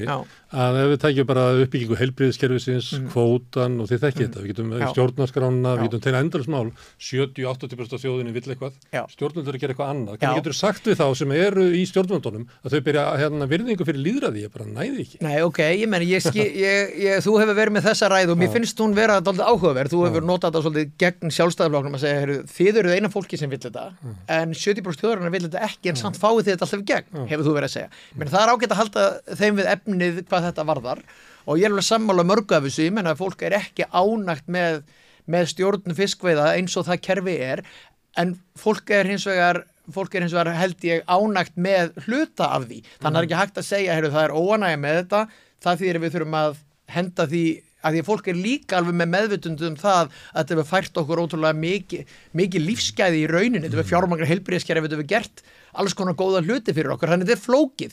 Ég er ekki að segja að Ísland sé fullkomið en þetta er eitt besta samfélagi í heiminum. Og það er ágætt líka að við minnum okkur á það annars lagi En þetta er Ég, hérna ég, alveg... já, alveg- ég held að það sé opbóðslega mikilvægt að minna sig á það. Og ég, held, ég var einmitt að, að, að hlusta á það sko, bara sem gerist 56 þegar við tök, tökum á móti flottamennum frá Ungverjalandi og fáum inn allt þetta stórkostlega tónlistafólk og fáum það frá Östur og Evrópu kannski meira, meira og minna. Við erum með tónlistarlíf sem er daldið einstaklega sko, lifandi og, og skila miklu af sér. Og byggt á þessu kannski. byggt á værum grunni held ég að sé langspilinu, og, sko. og, og, á og og Það verður rýmur bara. Nei, ákvarðinu gilfa þopnum það að hafa tónlistaskólana og svo framvegist þannig að það eru, eru röð góðra ákvarðana sem skila sér í því að það er einhver langtíma sína tónlisti, tónlist og bókmentir og men- menning skipti mál og það, og það er það sem að mér finnst hræðilegast ef menn er að missa sjónar af því hversu miklu máli menningin og skráningssögunar og allt þetta, hversu miklu máli það, það skiptir allt saman. En ég, ég held nefnilega að, að, að sko, uh, þetta með að, að uh, sko, ég, ég get alveg tekið undir þína lofræðu með uh, Katrinu Jakobsdóttur sem einstakling og í hverskipti sem hún kemur fram þá finn, finn ég tröst til hennar. Það breytir því ekki að mér finnst mjög margt hafa gerst innan ríkistjórnarinnar til þess að halda, á, halda sátt um eitthvað Já, já. sem að ég hefði ekki viljað sjá. Þegar þú ert að tala um að kvótakerfið, e, fjármagna heilbriðiskerfið, að þá vita það allir sem vilja vita að kvótakerfið fjármagnar mjög mikið annað og hefur falið í sér mjög mikið kosta sveitafjölu víðun land þau bara sitja eftir í sárum og eru ekki með undirstöðu atvinnugreinis og, og þess vegna reyðubúin til þess að lúta nánast hverjur sem er til þess að skapa Já, atvinnu og já, hafa já. tekjur. En vitið það það, ekki, sko, og, og, og það er líka líku fyrir að það eru sko aflandsfélug, það bara líku fyrir Já, já. að þáttaka þeirra sem að hyrða arðina þessari, út, uh, þessari útgerð Mm. er ekki í samræmi við sko þess að ætti að vera með að við arðsemina sem er af þjóðar auðlindinni og Og það er mikilvægt. ræðan mín átti, átti ekki að vera eins og, eins og ég heyri oft sko þegar er verið að segja sko hvað eru þið feministar að tala um, þetta er nú jafnbrytisparadís og allt þetta, þetta átti ekki verið til þess að sefa uh, reyðina eða umræðina um það sem er að, af því að það er mjög margt að. Mér finnst ef eitthvað vanta meiri rótækni í í hérna fólk sem er að representera uh, lálauna fólk eða feminisma eða umhverfismál. Ég, ég, við þurfum á þessu róttaka fólki að halda sem að bendir á það sem að er að. Og það er ekki hægt að segja, býtu þetta er nú eitt besta samfélagi heimi við ekki svona reið, það var ekki það sem ég var að meina með þessu. Ég finnst ég þannig. líka bara svo áður og þú stúttar sér þá langar mér bara svo að segja að hérna, mér finnst við eigum að leita að þessu sem að mér hefur þótt vera svo ríkjandi í Íslendingum allt mitt líf og það er umburlindi, hjálpsemi manngæska og kærleikur. Veist, þetta er það sem að við eigum að byggja þetta landa og þess að þjóða og höfum gert. Og við ykkur þarna sem að eru að finna fyrir ykkur svona hatri eða ekki, má víst ekki lengur segja hatur, heldur óvild uh, veist, kafiði náið í manngæskuna, kærleikin og umbröðlindi, bara gerði það fyrir mig. Bara ég, sko, fólk sem að tala vestum mig og netinu er síðan bara mjög næs það. Ég er ekki að tala um gagvart mér, ég er að tala um Það, það gagvart er svolítið þannig að samkynniðum, fólk getur gagvart talað illa um mann sko í fjaska Já, ég svo er það hittir mann, þá er það alltaf eins og smjör. Ég var Já, ekki að já. meina það, ég var að meina Já, ég- já, ég veit, já, já, þú veist, ég var að meina já. gagvart En Við viljum bara að samfélagi sé byggt upp á kærleika. Já, Já, umburlind Og He- Helga, þið líkur eitthvað að hjarta, en svo, svo verður ég ætla bara að segja að margsprungið því á að fjalla um líðræði hérna, vegna þess að það sem að koma mjög lári upp að þetta er allt ógn við líðræði sem er að gerast. Já. þessi, ég veit ekki hvað orða að kalla það reyði eða, eða hvað það er eða óvild. Já, og við horfum upp á það að þessi sko landsvæði í heiminum sem að hafa verið vakka líðræðisins þau eru með, að kljást við slíka brotalamir að maður hefði aldrei trúað því. Að maður fylgir, ég fylgist mjög vel með bandarísku stjórnmálum og þar er þrískipting ríkisvaldsins brostin. Þar er engin framföri lögjöf vegna þess að republikanaflokkurinn leggur aldrei fram lagafröðum þeir bara komi í veg fyrir að hini komi einhver í gegn.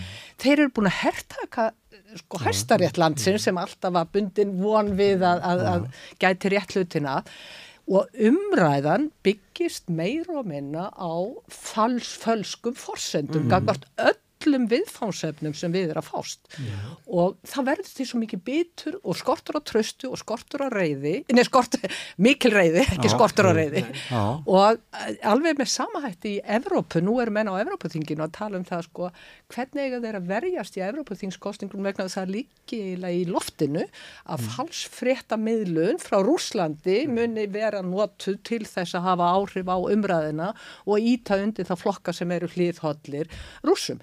Og þetta, þetta er sko, þetta er raunverulega áhætt og þess vegna held ég að sko við eigum aldrei að horfa upp á það að haturs orður að það geti orði hér í landinu því við viljum mennskuna og, og kærleikan en, en við erum samt að horfa upp á það. Það er raunverulega þannig að menn eru að íta undir hleypidóma í gard tiltekkin og hópa Já, já. Og alveg tiltekkins fólks. Og ég meina, sko, Trump er bara, Trump er bara einu rasi Þáttastjórnandinn frá því að- vera aftur fórseti og hann er bara búin að segja, þá, þá mun ég taka sko, réttin meira undir mig sko. Við þurfum bara einu ég, ætti að hafa meira, saman með þáttastjórnanda við, við erum hérna, þetta er bara linnulaus þjóðfundur hérna við rauðaborðið og, þið komið bara aftur og hérna við ræðum ímisleg mál, ekki? Ha, Það vantar ekki, það er skoðanir já. og fjögur þáttur. En að því ég nefndi þetta með rauðaborðu en linnulausa þjóðfund sem að hér er, er í gangi, að þá er núna er allar samstöðin að fara að senda út í sjónvarpi þannig að við kæmum þá í fjárstýringunar hjá fólki sem að eru svona að horfa á gíslamartin á, á föstaskvöldum, þá þjóð. Þið verður bara með styrkjumyndina á en þannig að við gerum alltaf svona átak, við fórum í útvarpi núna í haust og þá settum við okkur sem er markmið að safna 159 áskrifundum og við náðum því og fórum í útvarpið. Nú vantar okkur 209 áskrifundum til þess að geta farið í sjónvarpið og þá verður samstöðun ekki bara í sjónvarpinu í útvarpinu, á YouTube og á, Facebook og e, á spilaranum og í öllum podcastveitum. E, heldur við líka með fréttavef sem heitir samstöðum.is hvernig getur við fylgjast með því á þessum fréttavef er knappur sem heitir áskrift. Hvernig getur við íta á hann og gerast áskrifundur og hjálpa okkur við að byggja upp samstöðuna. Ekki veitir af öblur í fjölmjölun á Íslandi. Það er eitt af því sem getur bætt samfélagið. En við gerum örstu hlje og höldum svo áfram með síni eils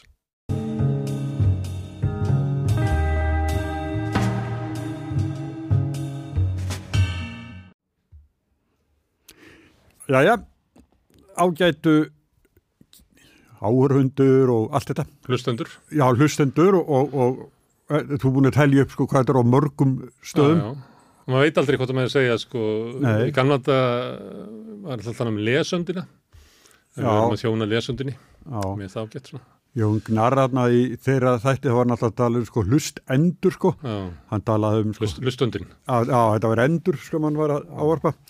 En, heyrðu, þetta voru fíni gæsti sem voru með já, og uh, við fólk vorum hefur rosa gaman að því að koma og tala um samfélagi okkar Já, er ekki tekið- tekið þetta? Jó, og, og meiri segja sko, töluðu eiginlega ekkert um, eða lítilega um ríkistjórnina sem slíka eða, eða einstakka stjórnmálamenn. Já, og líka samspil ríkis og sveitafélag því við vorum með tvo hérna svona, Þakkja það, já. já, þekkjaði mjög vel já.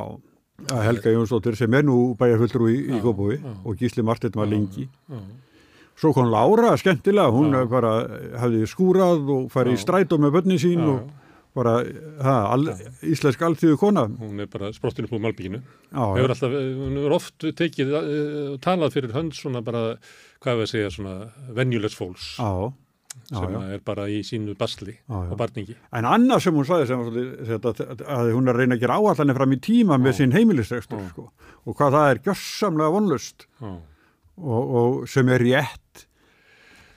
já, já, Það var þannig að þegar ég kifti mína fyrst íbúð þá kom verðryggingin já. og ég er búin að vera með verðryggingun í gegnum lífið. Það var alveg bara frá degi eitt Mm. og er enn að berja sér þetta. þannig að æfis að því minn heita ég og verðryggingin Nei, nei, já, nú sterkar orð. Já, en nei, þetta er svona, þetta er sko, ég er að segja bara. Ég var að- með tvö hérna og við tókum við það við frétti vikunar vikurskamptinu á fastutum. Það voru tvö sem að voru með fasta óvertriða vexti Ah. sem að voru að renna út, ég man ekki hvort það var svona uh, tíu mánuður eða fjórta mánuður og þau náttúrulega geta ekkert gert neitt plan, Nei. þú veist ekkert hvað það er, en ég veit hvert planið er hjá uh, Serabakonum og Ríkistjóðinni. Það er bara að, að þessu fólki verður skoplað yfir í verðri lán þegar að því kemur. Það er bara að komið fram. Já, Þannig að þú getur alveg gert plan um það. Já, og, og þá getum við, getum við líka rifjað upp, sko, hvað var, hvernig þessi sömu menn töluðu um verðtrygginguna Með, landið Ísland sagði hérna Bjarni í síðustu já, í Lá, hann sagði bara lágvasta landið Ísland. Já, já, já, Það voru plakkut hérna. Uh, þau fá styrk frá ríkinu uh, flokkurinn og þeir eittu peningunum í það að brenta stóra mynda Bjarna og setja á þetta stræt og skili lágvasta landið Ísland. Já, já. En svo heyrum við, þú talar um, um sko, aðra gestin, en svo þetta kom bara mjög vel fram hérna, að Lára þennan mannskunni gera sko áallanir fram í tíman, Já, sem er nánast algjörlega ómúlegt að gera. já En, Herðu eitt í þessu að því að þú talar hérna síðast um hérna, svona landflótta Já. Þú varst að vísa í hérna, þráðinn á Íslendingar í Danmörku sem Já. að það verður þykja, ég ringdi í þetta fólk, ég fór og Mm. sapnaði saman og var hérna með svona þjóðfund já, ég er búin að heyra hluta því. já, á hérna á fimmtudaginn, Mm. það var alveg hvet fólk til þess að hérna, lesa þetta því að þetta er náttúrulega ein leið til þess að sko skilja Ísland er að tala við þá sem að hafa bara flúið Fullt að fara, sko. og ég spurði svona, hérna, mæ- mætti maður kalla ykkur svona efnarslega flóttamenn? Já, já, já, já, kom bara svar alls þar. Já, Og hvernig, sko, lýsingin er ekki bara það að það er möguleiki í öðrum löndum að lifa á einum lágum launum. Þú þarft ekki að vera í þremum vinnum eins og er í Íslandi. Mm. Þú veist, það er, og ef, hérna, það er bara möguleiki og það er bara fólk bara í næstu bæjum sem er byggt upp samfélag þar sem þetta er hægt.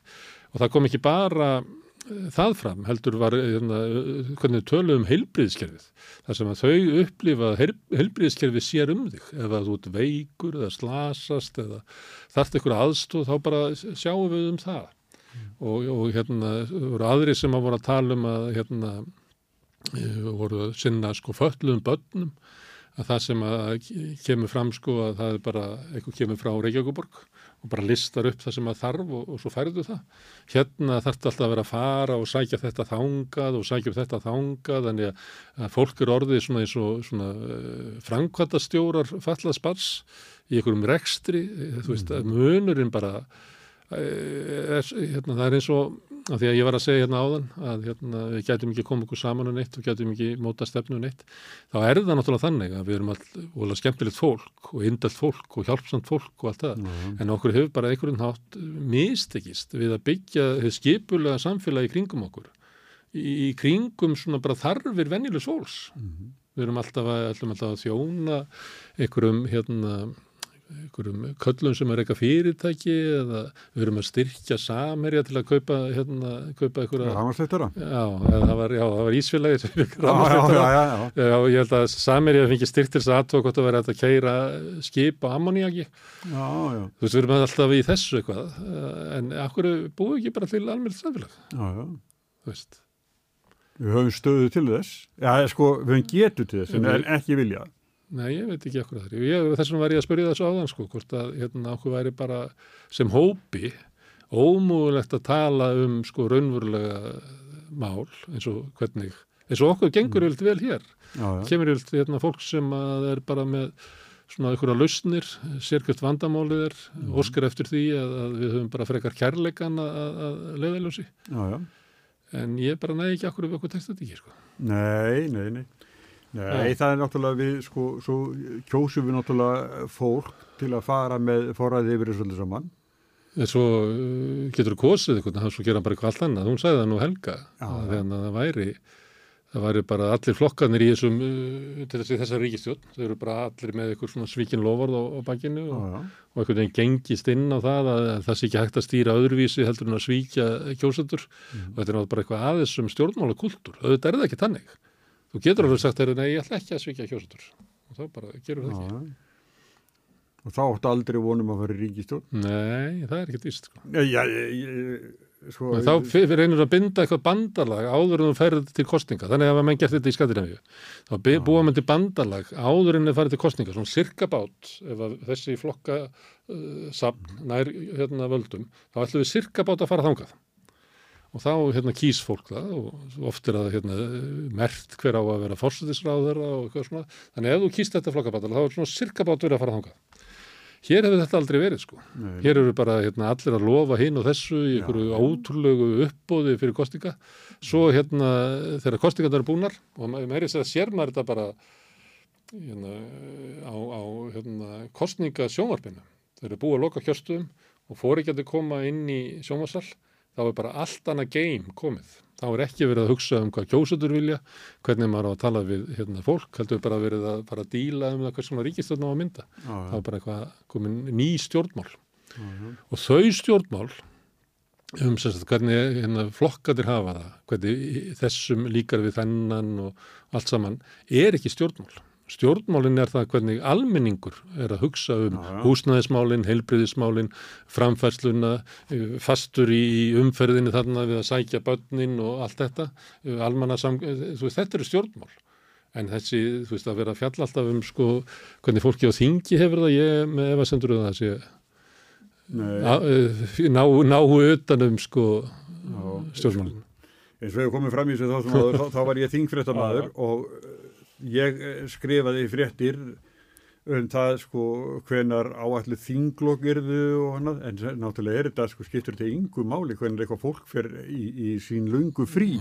En, en samt er þetta alltaf óvist með þinglokk eins og okkur hinn varði eitthvað svo sérstaklega um það það er bara sko. öllum saman um það sko. já ég veit það, þetta er ynga fréttir en, en ég undirgeist það ég skrifaði svona fréttir sjálfur en mér fannst það algjört sko aukatrið með ég var aði að, að þetta gat ekki verið stóra máli sko. Mm. Það var merkilegt þetta með hvernig þetta Venezuela mál, nú er, nú er bara að renna upp fyrir fólki eins og Gísla Martini og Helgu og sérstaklega þeim um að, ég meina, við nú erum við bara átt okkur, hvað var það sem að gerði, sko, um hvað var þetta mál uppálega? Við höfum reynt af fjallum hérna á samstöðinni, það var lítið lági til dæmis hjá ríkisutörpinu að draga upp um hvað þetta mál var. Hérna, dómsmáraðan er ekki spurður út í þetta sem að þau voru að velta fyrir sér, sko. Býtu, hvað, hver, hérna, hver bauð fólkininga uppálega? Já, já. Ég, þegar þau voru að tala um það svo fengum við fólki til okkar sko og, og svo bara farið aftur. Já. ég sá fyrir mér að leina dúbna hóla tíu. Svo er ekki partí sko. Það er ekkert partí. Og það er sama með hérna, þetta talum um grunn, innviðina, mentakerfi er ekki tilbúið, húsnæðiskerfi er ekki tilbúið, uh, bara gagvart fólkinu í Úkrænu, þá er þetta svona. Bara komið hérna við, auðvitað tökum við, svo bara er ekkert í bóði, sko. nei, nei, Það bara var ekkert hérna búið að sko taka til og það, nei, nei þetta er bara dúpnuhóla tíu, sko. já, já, já. En íslensku stjórnmálusmári Nú, núna, það er sko við tölum nú um það síðast að, að það eru komin eitthvað átta e, mál frá ríkisjóninni og 130 frá þingmönnum. En það er náttúrulega, þetta er stóra mál náttúrulega sem er, er hérna fjárlögin.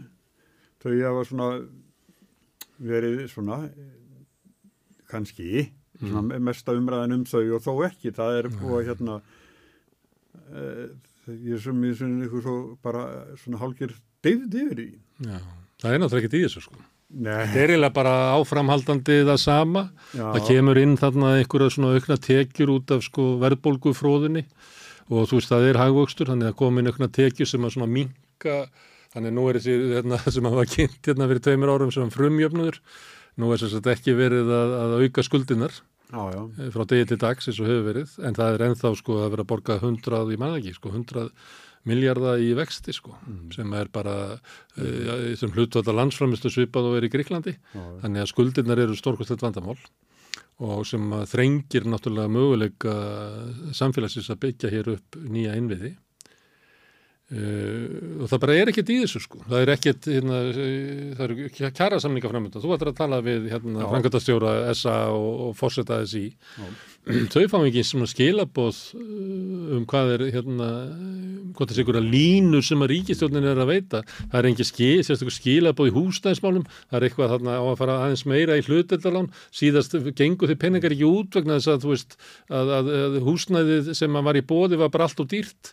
Og fólki sem að átti að, að, eiga hérna, möguleika á að kaupa þetta það var, var með alltaf litla tekjur og fekk ekki sko hérna, í, hvað heitir það hérna, lánshæfismat já, og það er bara, það, er, það er bara vestna því að vextin eru að hækka þannig að, að sömuleiti eru sko ráðagerðin sem eru þarna inni eru bara litlar, ómartakar, óvissar. Alls konar svona, uh, alltaf verið að kynna okkur alls konar átöku hinn og þessu, nú á að byggja hérna litlarhaun og þú veist, sem að væri alveg frábært að verið byggt litlarhaun því að litlarhaun er rillingur.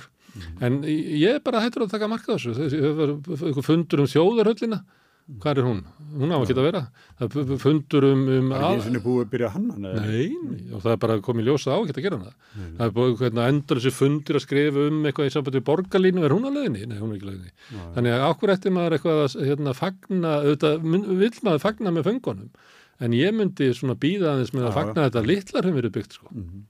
Að að hérna, og þeir sem eru þangaði núna verða allir orðnir lausir þegar að þegar það kemur? já, já, Já, já, en, uh, en litlar hefur er hillingur og Já. bara fáralegt hús. eins og verið að segja hérna, merkilegt eitt. Það var hérna verið að segja að það væri svona ákveðin hættusvæði og þetta er, uh, þetta er út af byggingunni.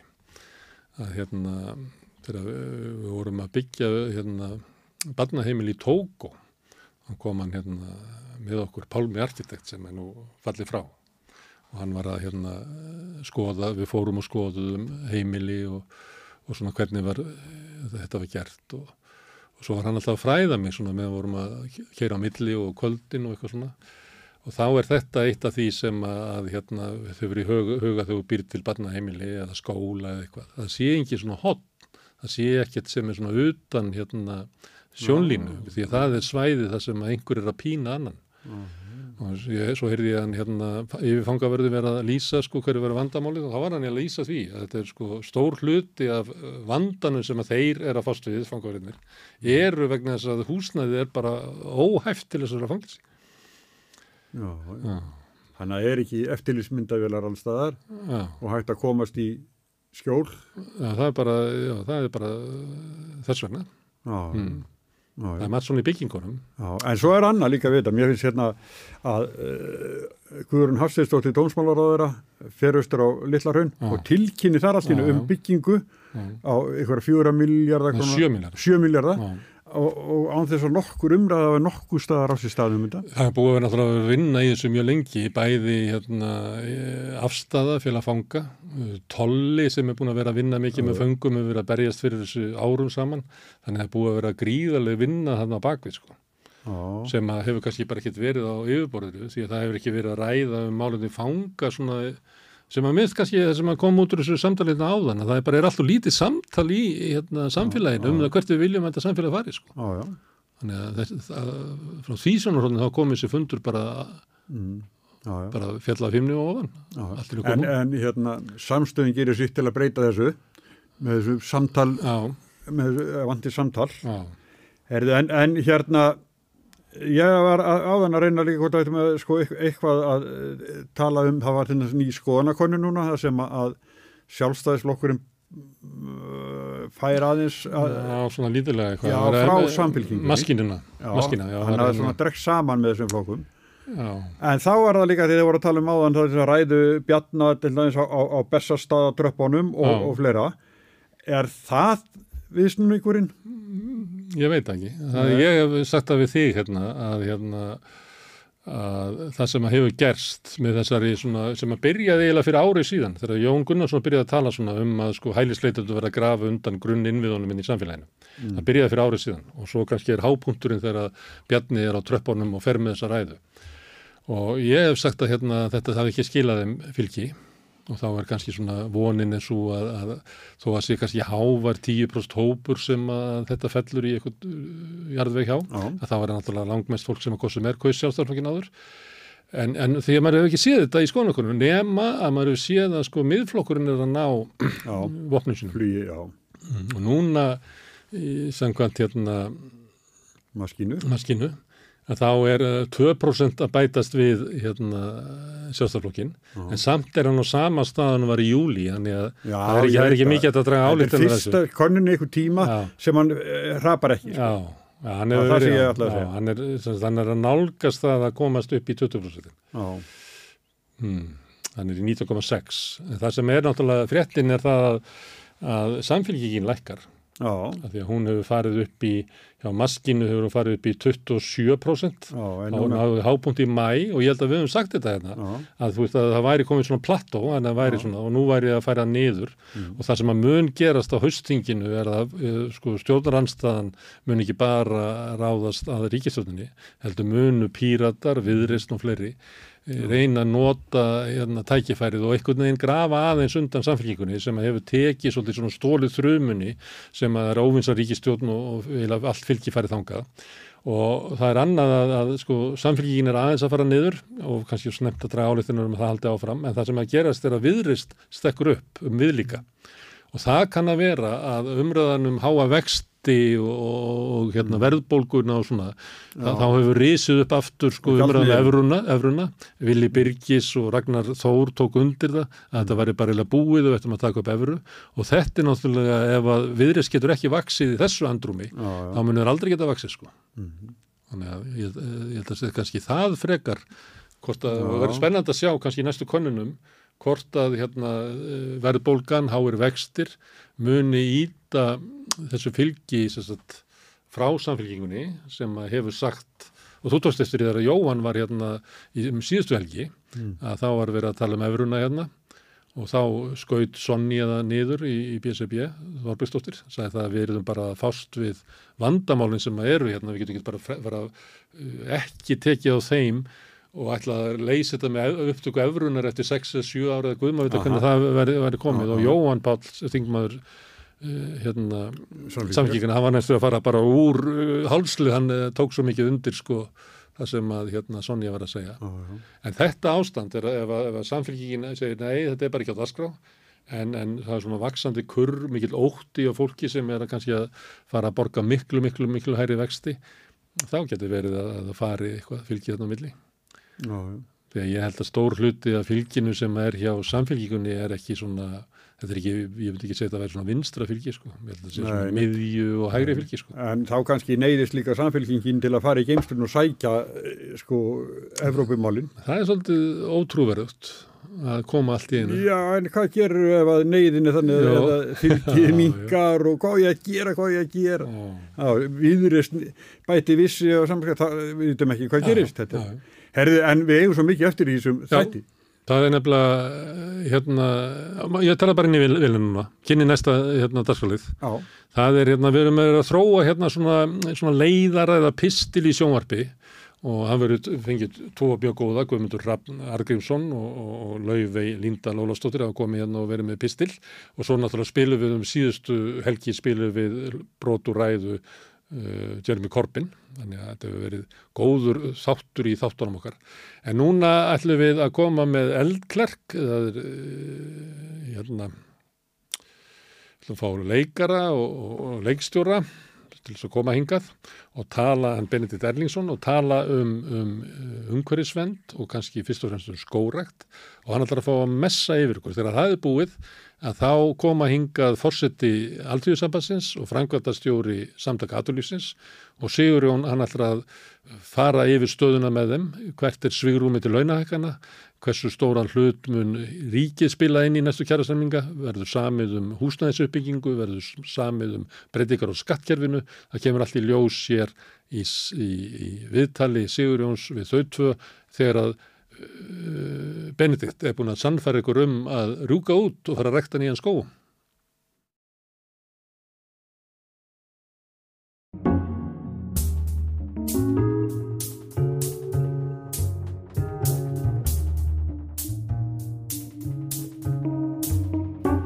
Við þetta mann kyn sem kringlu þessa byggjum stöndu nú frammi fyrir mikilli aðstæðandi ógn. Margir óttast um sjálfa tilvist okkar. En sangkvæmt fordri grískri góðsögn er þetta ekki í fyrsta skipti sem svona hefur staðið á. Einu sinni í fyrindinni stóð til að útrýma mannkindinni. Við höfum vist sjálf komið okkur í þessi vandræði og alfaðir seifur á ólumstindi var okkur reyður og vildi að, að við hirfum af yfirborði jarðar. Hann hafði orðið fyrir miklum vombriðum með þennan skinni gæta apa í skóginum. Þessa trjáveru sem kallar sig nú Homo sapiens sapiens. Trjávera er það sem við erum í raun réttri. Í skóunum fyrir 200.000 árum á milli trjána eigum við uppaf okkar. Gangandi trjávera á tveimur fótum með ímyndunarafl í höfðinu. Okkar fyrsta heimili, heimavöllur og varnarþing, er því tríð sjálft. Þar fundum við skjól frá veðri og vindum og upp í tréð flúðum við frá óvinnum og óorgadýrum og það var úr tré sem við skópum fyrstu verkfæri okkar.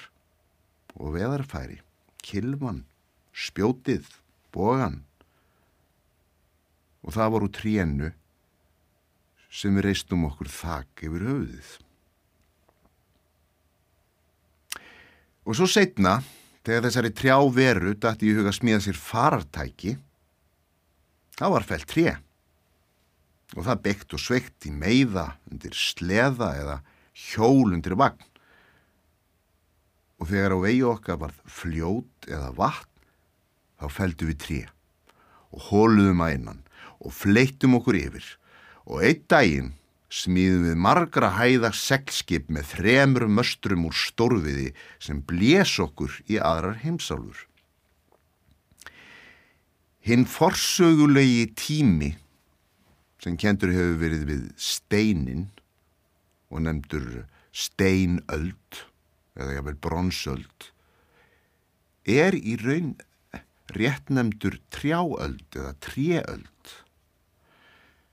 Það eina sem hefur hins vegar varfist er steinnin, steingerðir hlutir, steingerð bein og steingerð tré, steingerð kólefni og þó tréð sé eitt af grundvallar táknum allra trúabræða mannkynsins þá hefur vitund okkar glimt því hversu miklar trjáverur við erum. En undirvitund okkar manða.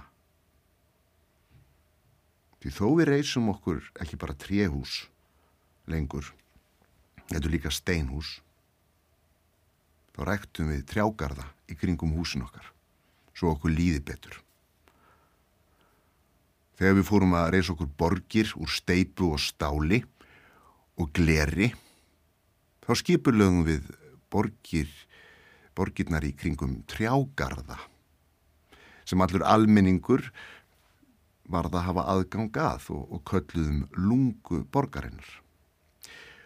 Og þessi mannabi sem núna býr á hellissillu inn í stein og glerfjalli upp á sjöndu hæð, hann fyllir skútansinn með tré Tré á gólfum, tré á veggjum, borð, stólar, skápar, rúm úr tré og út í klukka er svo planta í potti eða trégerfill til að minna á gróður, jarðar og skógin.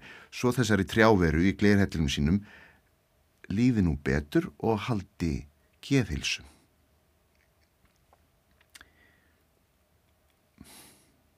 Það var vist frændi Seifs á Ólimstindi títanni að nafni Promotheus eða Promotheifur eins og viðkvöldum hann sem í algjöru óleifi bjargaði þessari trjáveru frá útdauða með því að kenna henni að kveikja í tré. Og eldurinn leist úr læðingi orku trésins sem umbreytti eðli hlutana orgu sem vermdi, eldaði, hitaði, herti og breytti. Og svo að lokum og einn daginn fundu við leið til að umbreyta þessum hita í hreyfingu og fengum hreyfiafl sem fleitt okkur allaleg hingað fram á hengiflug velseldarinnar. Seifur satt eftir með sárt enni. Hann hafði hugsað sér að skapa pláss fyrir eitthvað nýtt og betra. En eftir sveig Promotheifs var ekki aftur snúið.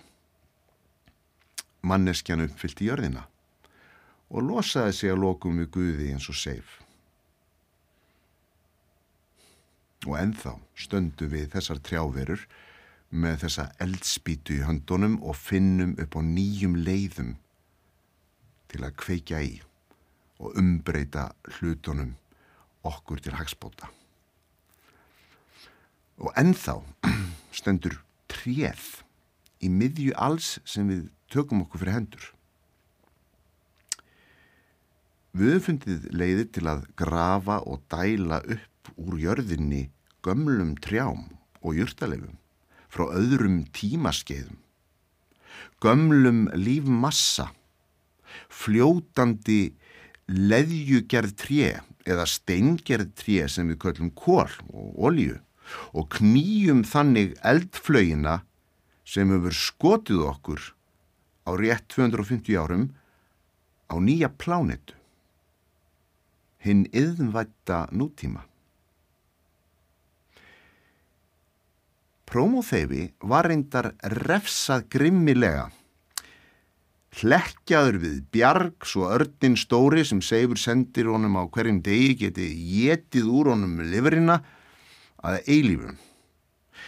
Kanski er það fyrst núna sem við skiljum af hverju seifi gramdist svona mikið.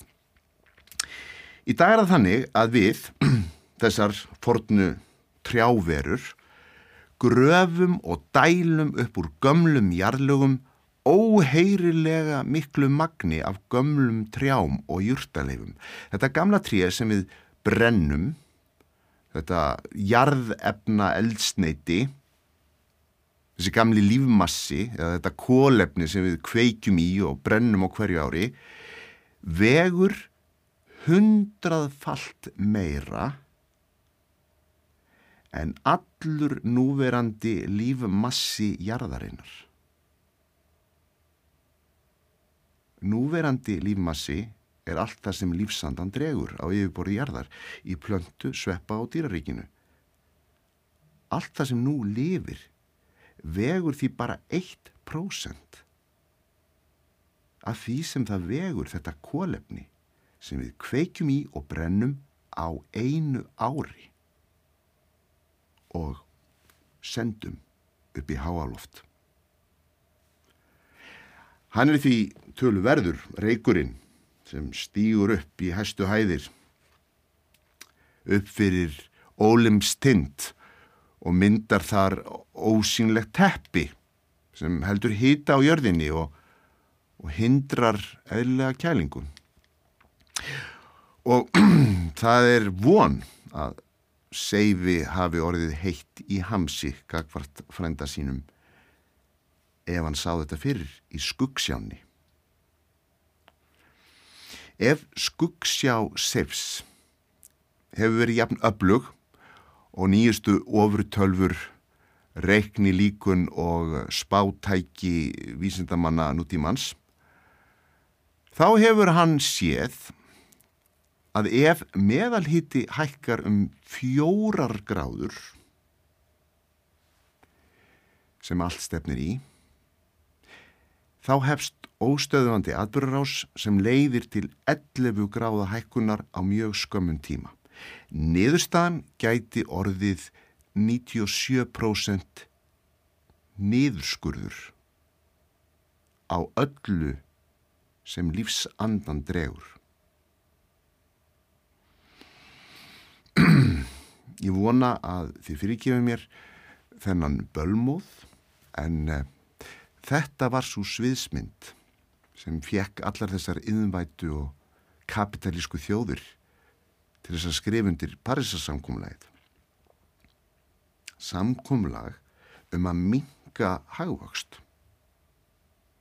Samkumlag um að draga úr velsælt sístækkandi mannkins. Því annars...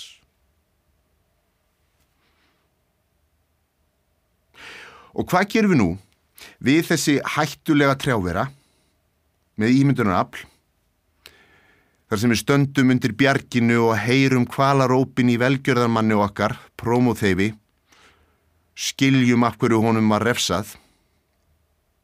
Getum við ímyndað okkur eitthvað sem reddar málunum?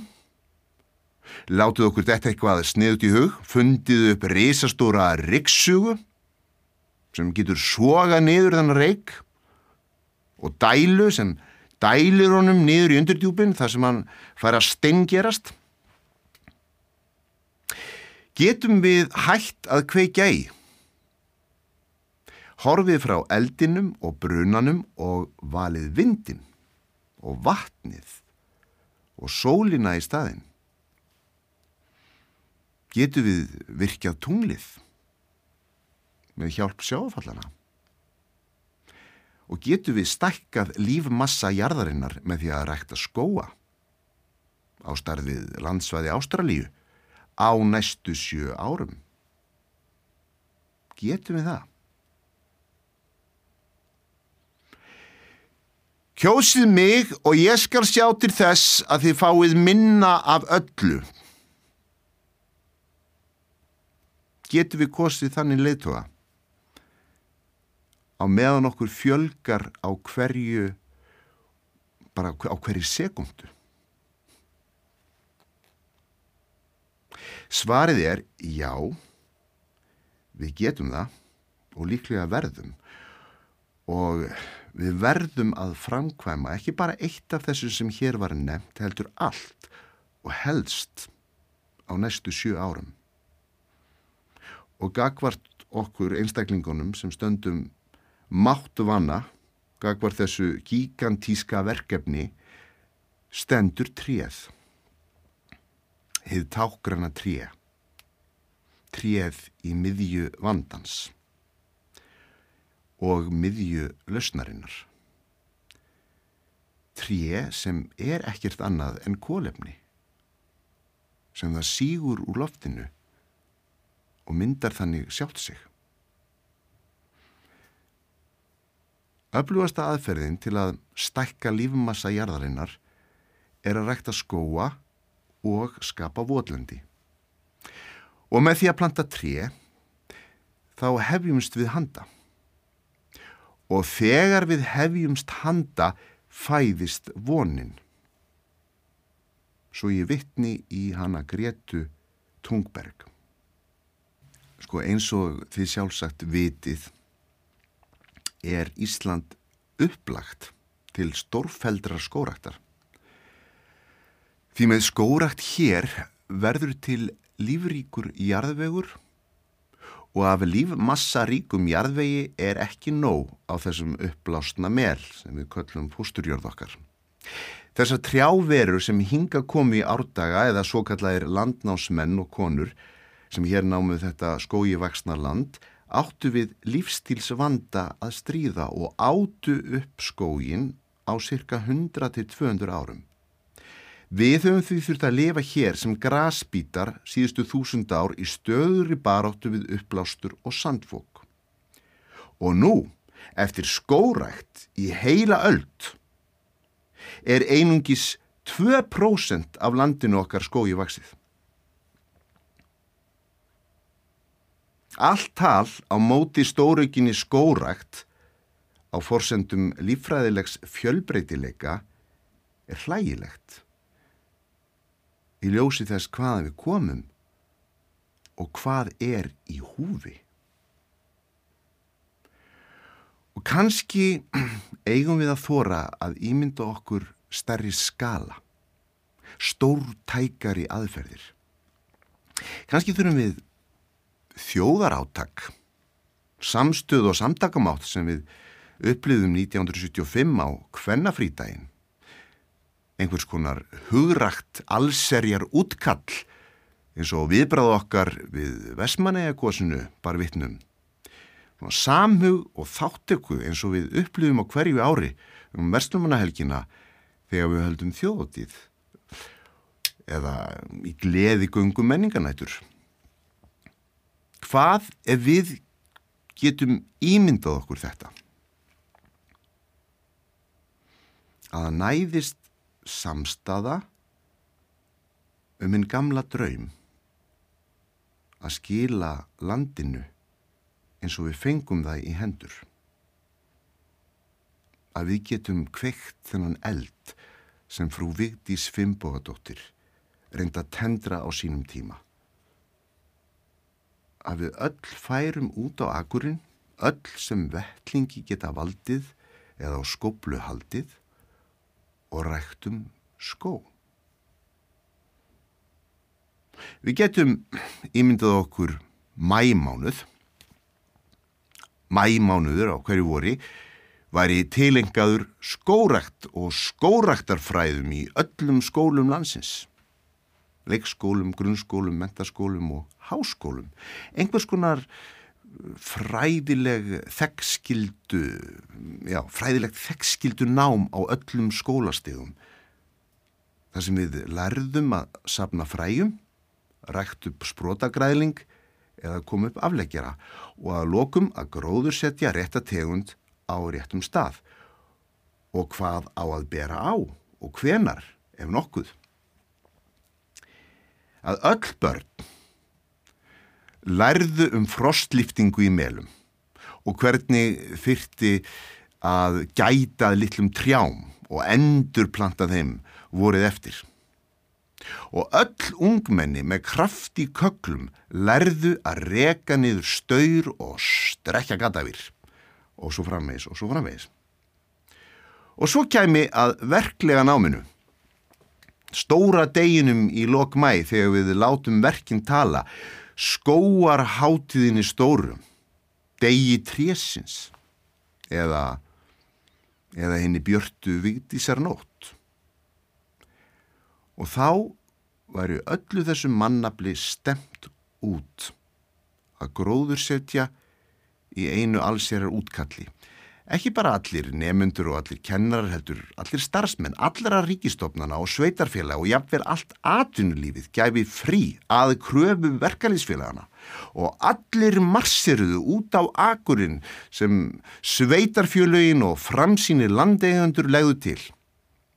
Afgirt svæði á kostnað stóra fyrirtækja sem hefur losað mest af kólumnið árið. Og vikingur heiðar spilar á flílinu upp á Holmseði og Helgi Björns stjórnar brekkusöng í Essulíðum og Björk okkar, hún syngur á stórum palli út á stjórnarsandi. Ef við getum ímyndað okkur þetta, þá er það hægt.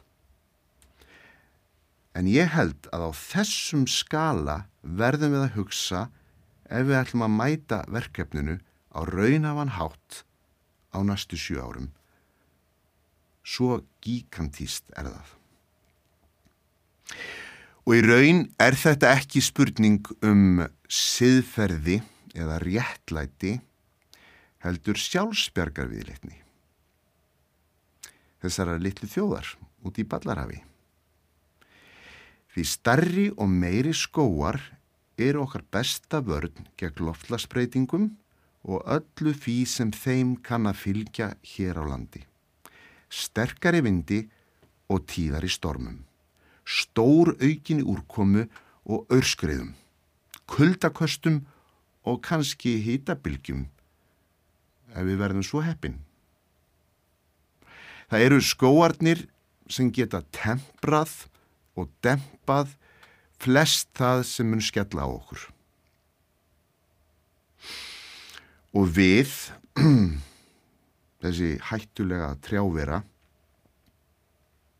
með ímyndunarafl og elspítu í höndunum,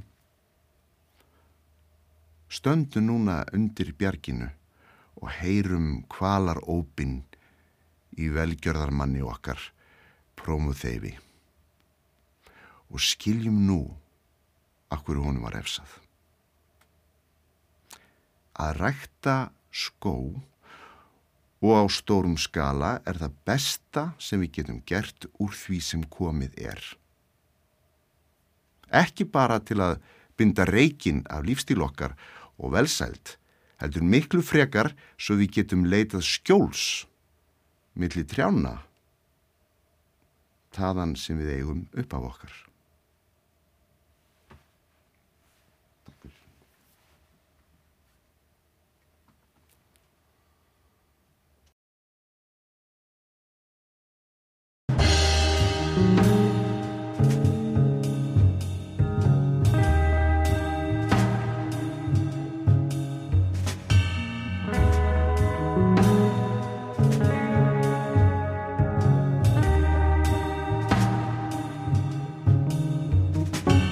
Jæja, ágæta áratur, það komið að loka þættinum. Til mín eru komin Sigriður Margret Ottsdóttir sem er nýr frængvæðstjóri samtaka aðlunlýsins og friðfinnur aðalvíkingur Hermansson.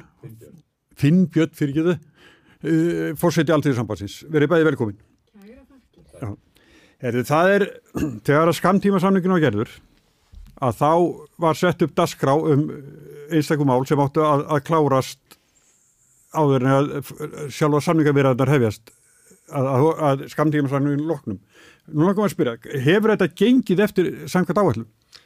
Sko, það sem að hefur gerst í svona uh, venjulegi samningum að það eru settir hlutir í bókun sem kalluð er og hérna, sem hefur átt að vinnast á milli kjara samninga. Þetta er ekkert nýtt fyrir breyðu, við hefum gert þetta ofta áður. Við hefum verið að setja svona sameilan skilning og annað þess áttar og sem við hefum alltaf að vinna eitthvað betur.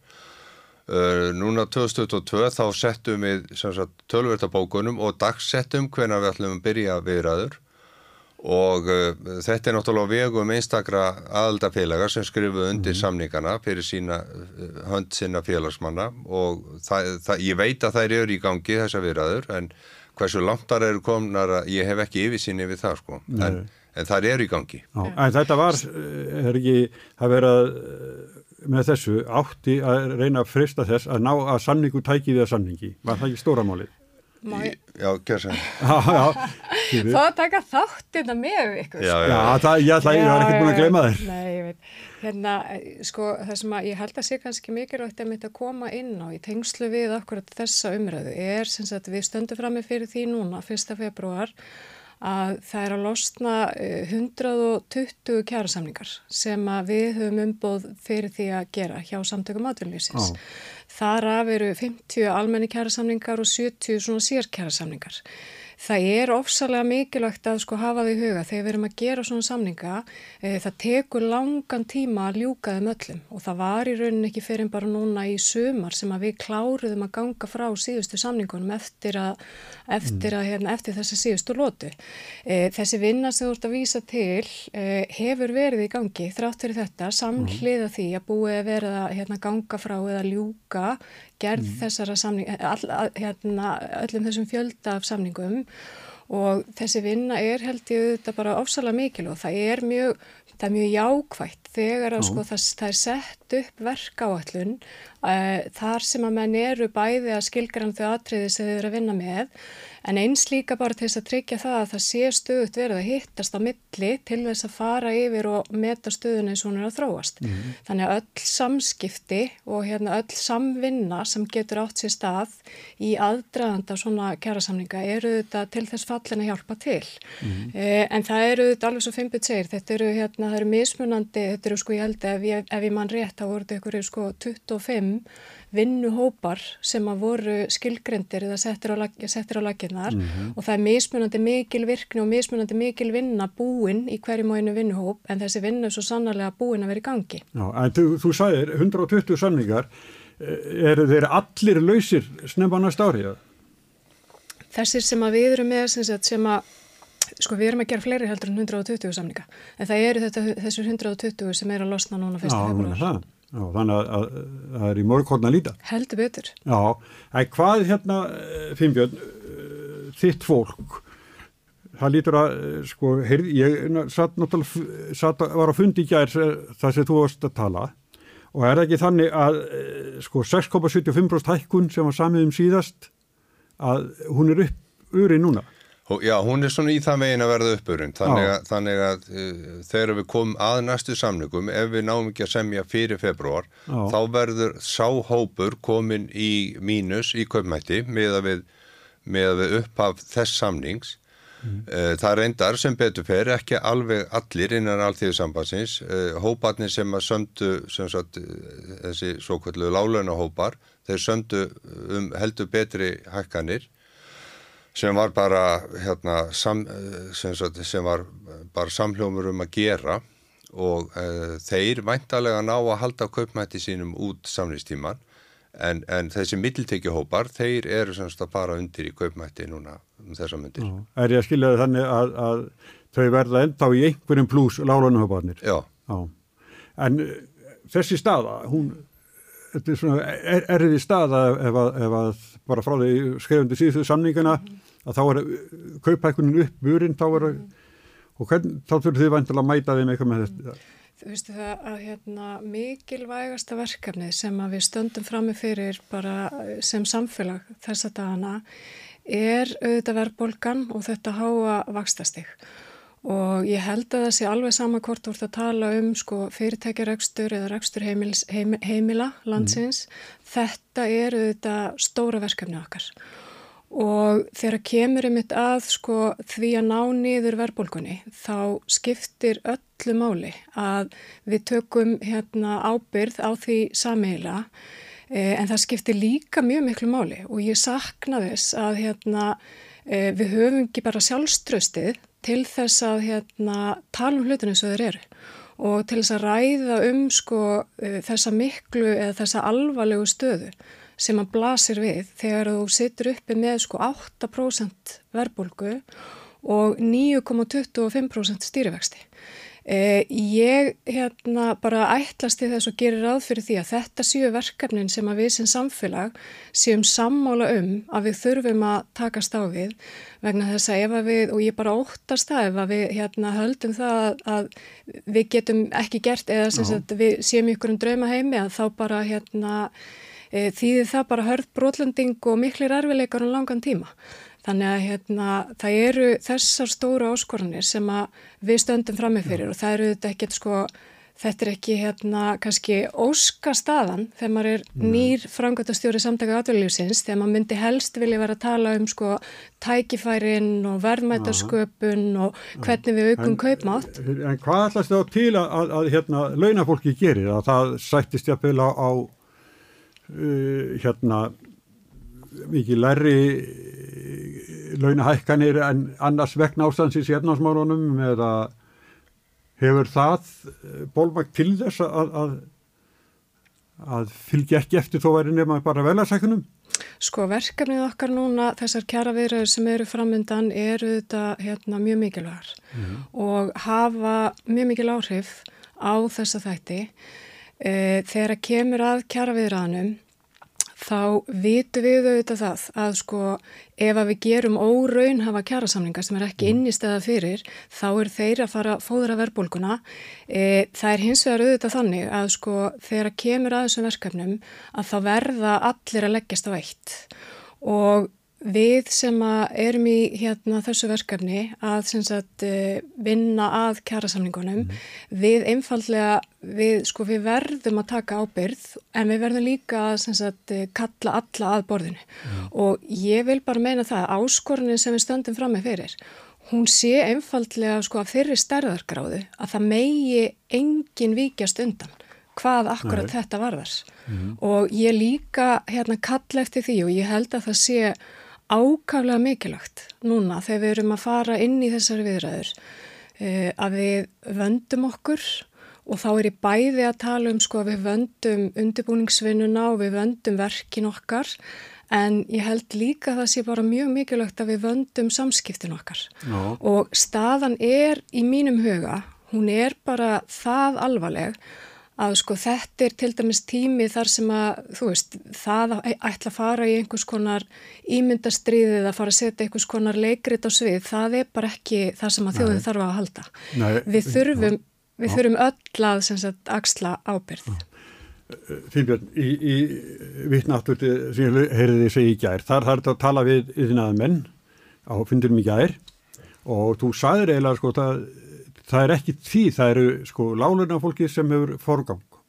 Þar kreppir mest á. Sko, eitthvað þess að veru. Já, sko, ég er, ég er að tala inn í hóp sem, a, sem að, hérna, hefur ekki haldið í við aðra í kaupmætti í gang tíðina og þeir, þeir náttúrulega segja sko nú komið á okkur. Mm -hmm. og það sem ég er einfallega að segja við þennan hóp eins og aðra hópa sem innan allþýðisambansins að við verðum bara að skoða hildina hvernig, hvernig hérna, þetta kemur út. Og það getur vel verið að, við, að það sé ekki tími núna til þess að að eh, fylgja eftir ídrustu kröfum sem að hver á einnig með. Vegna efnarsástansins Já, sko, ekki bara efnahags ástansin, sko við, sko, við þurfum að horfa svolítið hildstætt á þetta, eins og Sigriður var að nefna hérna, við erum í 8% sko verðbólgu, við erum í 9,25% vexti og uh, kjarabætuna geta komið á stónu hluta í gegnum það að ná niður verðbólku og þannig að, að hérna, og ég ætla ekki að fara að segja að við ætlum að fara að gefa einhvern afslátt á sko kaupkröfum okkar, síðan er svo.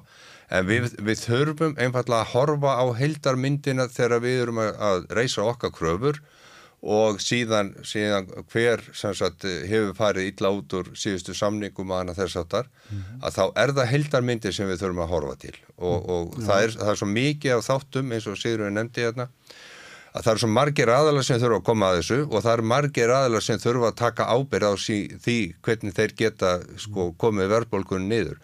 Ég veit alveg að það eru mjög margir sem, a, sem eru með þessa verðbólku væntingar að þeir ætla að setja allt út í verðlagi bara til öryggis til þess að hérna, lendi ekki undir en það er sá hugsunagangu sem við verðum að fara að taka, uh, taka á.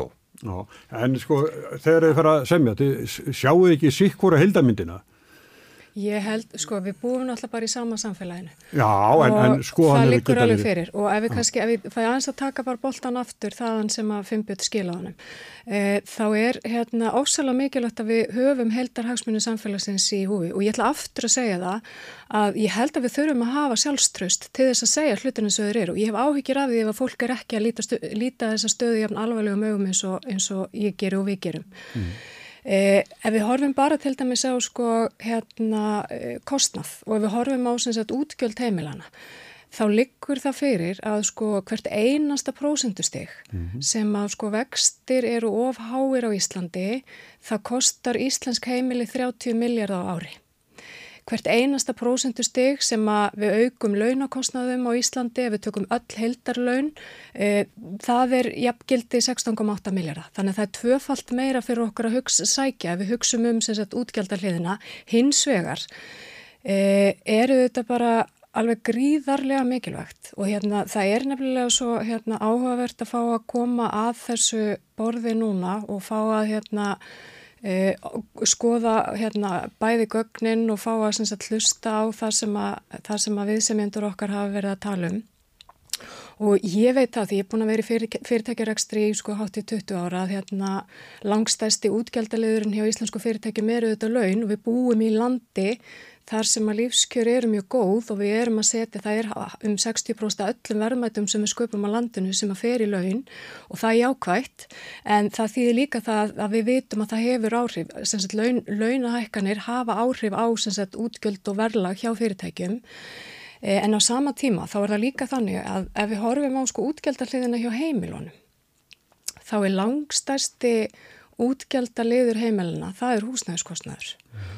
og Ég hef bara mjög miklar áhyggjur af húsnæðismálum á Íslandi og ég hef hérna, uh, ég vil bara rósa verkefælsreifingunni fyrir það að hafa sett húsnæðismálinn á ottin á undarförnum árum uh, en ég hins vegar sakna þess að það hafi ekki verið kannski tekið nægilega förstum tökum uh, þetta vandamál sem blasir við þegar Já. við förum að skoða húsnæðismálun á Íslandi mm. og þetta byrtist okkur, þetta er ekki bara risastórt efnahagsmál, þetta er líka velferðamál mm. eh, við þurfum auðvitað, það er bara grundvallar þörf hvers einstaklings og hverja fjölskyldu að hafa örugt þakk yfir höfuðið mm. en þess fyrir utan e, þá erum við auðvitað búin að horfa upp á núna, við, sko við erum blessunarlega Ísland er í góðri stöðu. Við búum ennþá, ef við berum okkur saman við sko fyrir heimsfaraldur og aftur núna, við það að það hefur verið mikil kaupmátturaukning.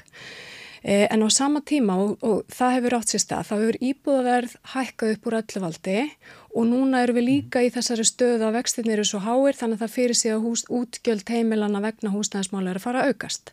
Mm. Hvað er það sem að veldur þessu? Uh, undirliggjandi vandi þarna er einfallega frambóðsvandi. Það er að segja að það er ekki búið að vera byggja í takt við þarfir landsmanna.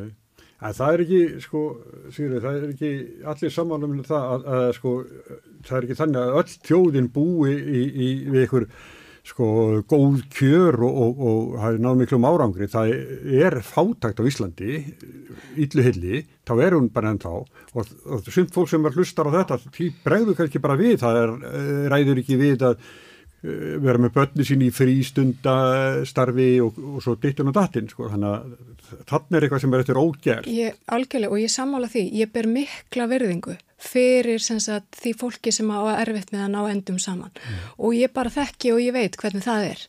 E, það sem að hins vegar skiptir öllum máli hérna og við erum aftur og þess vegna er mér svona, þess vegna er þetta mér svona mikið ástriðu mál þar að segja að við tökumst á við stórumálinn og stórumálinn hérna á Íslandi núna til þess að verja lífskjörti framtíðar eru mm. verbulga vextur og húsnæðismál. Mm. E, varðandi hérna, varðandi fátæktina þá er það þannig sko það, það eru þetta sko, það er aldrei hægt og hvers og eins vandi eru þetta bara, þú finnur það á eigin skinni og það eru mismunandi aðstæður. Við búum hins vegar blessunlega í landi þar sem að fátækt hefur farið minkandi og hún er hlutfalslega lág í samanburði við aðrar þjóðir.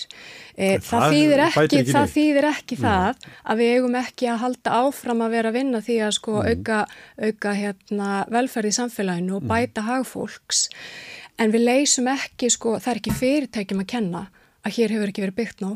það liggur alveg fyrir. Já, fyrir maður svolítið þetta en, en sko að, að kaupmáttar aukning en svo innum við séð frá þá hefur kaupmáttar aukningi sem var samið um, hún, hún er farin í, í verðbólkuvalinu.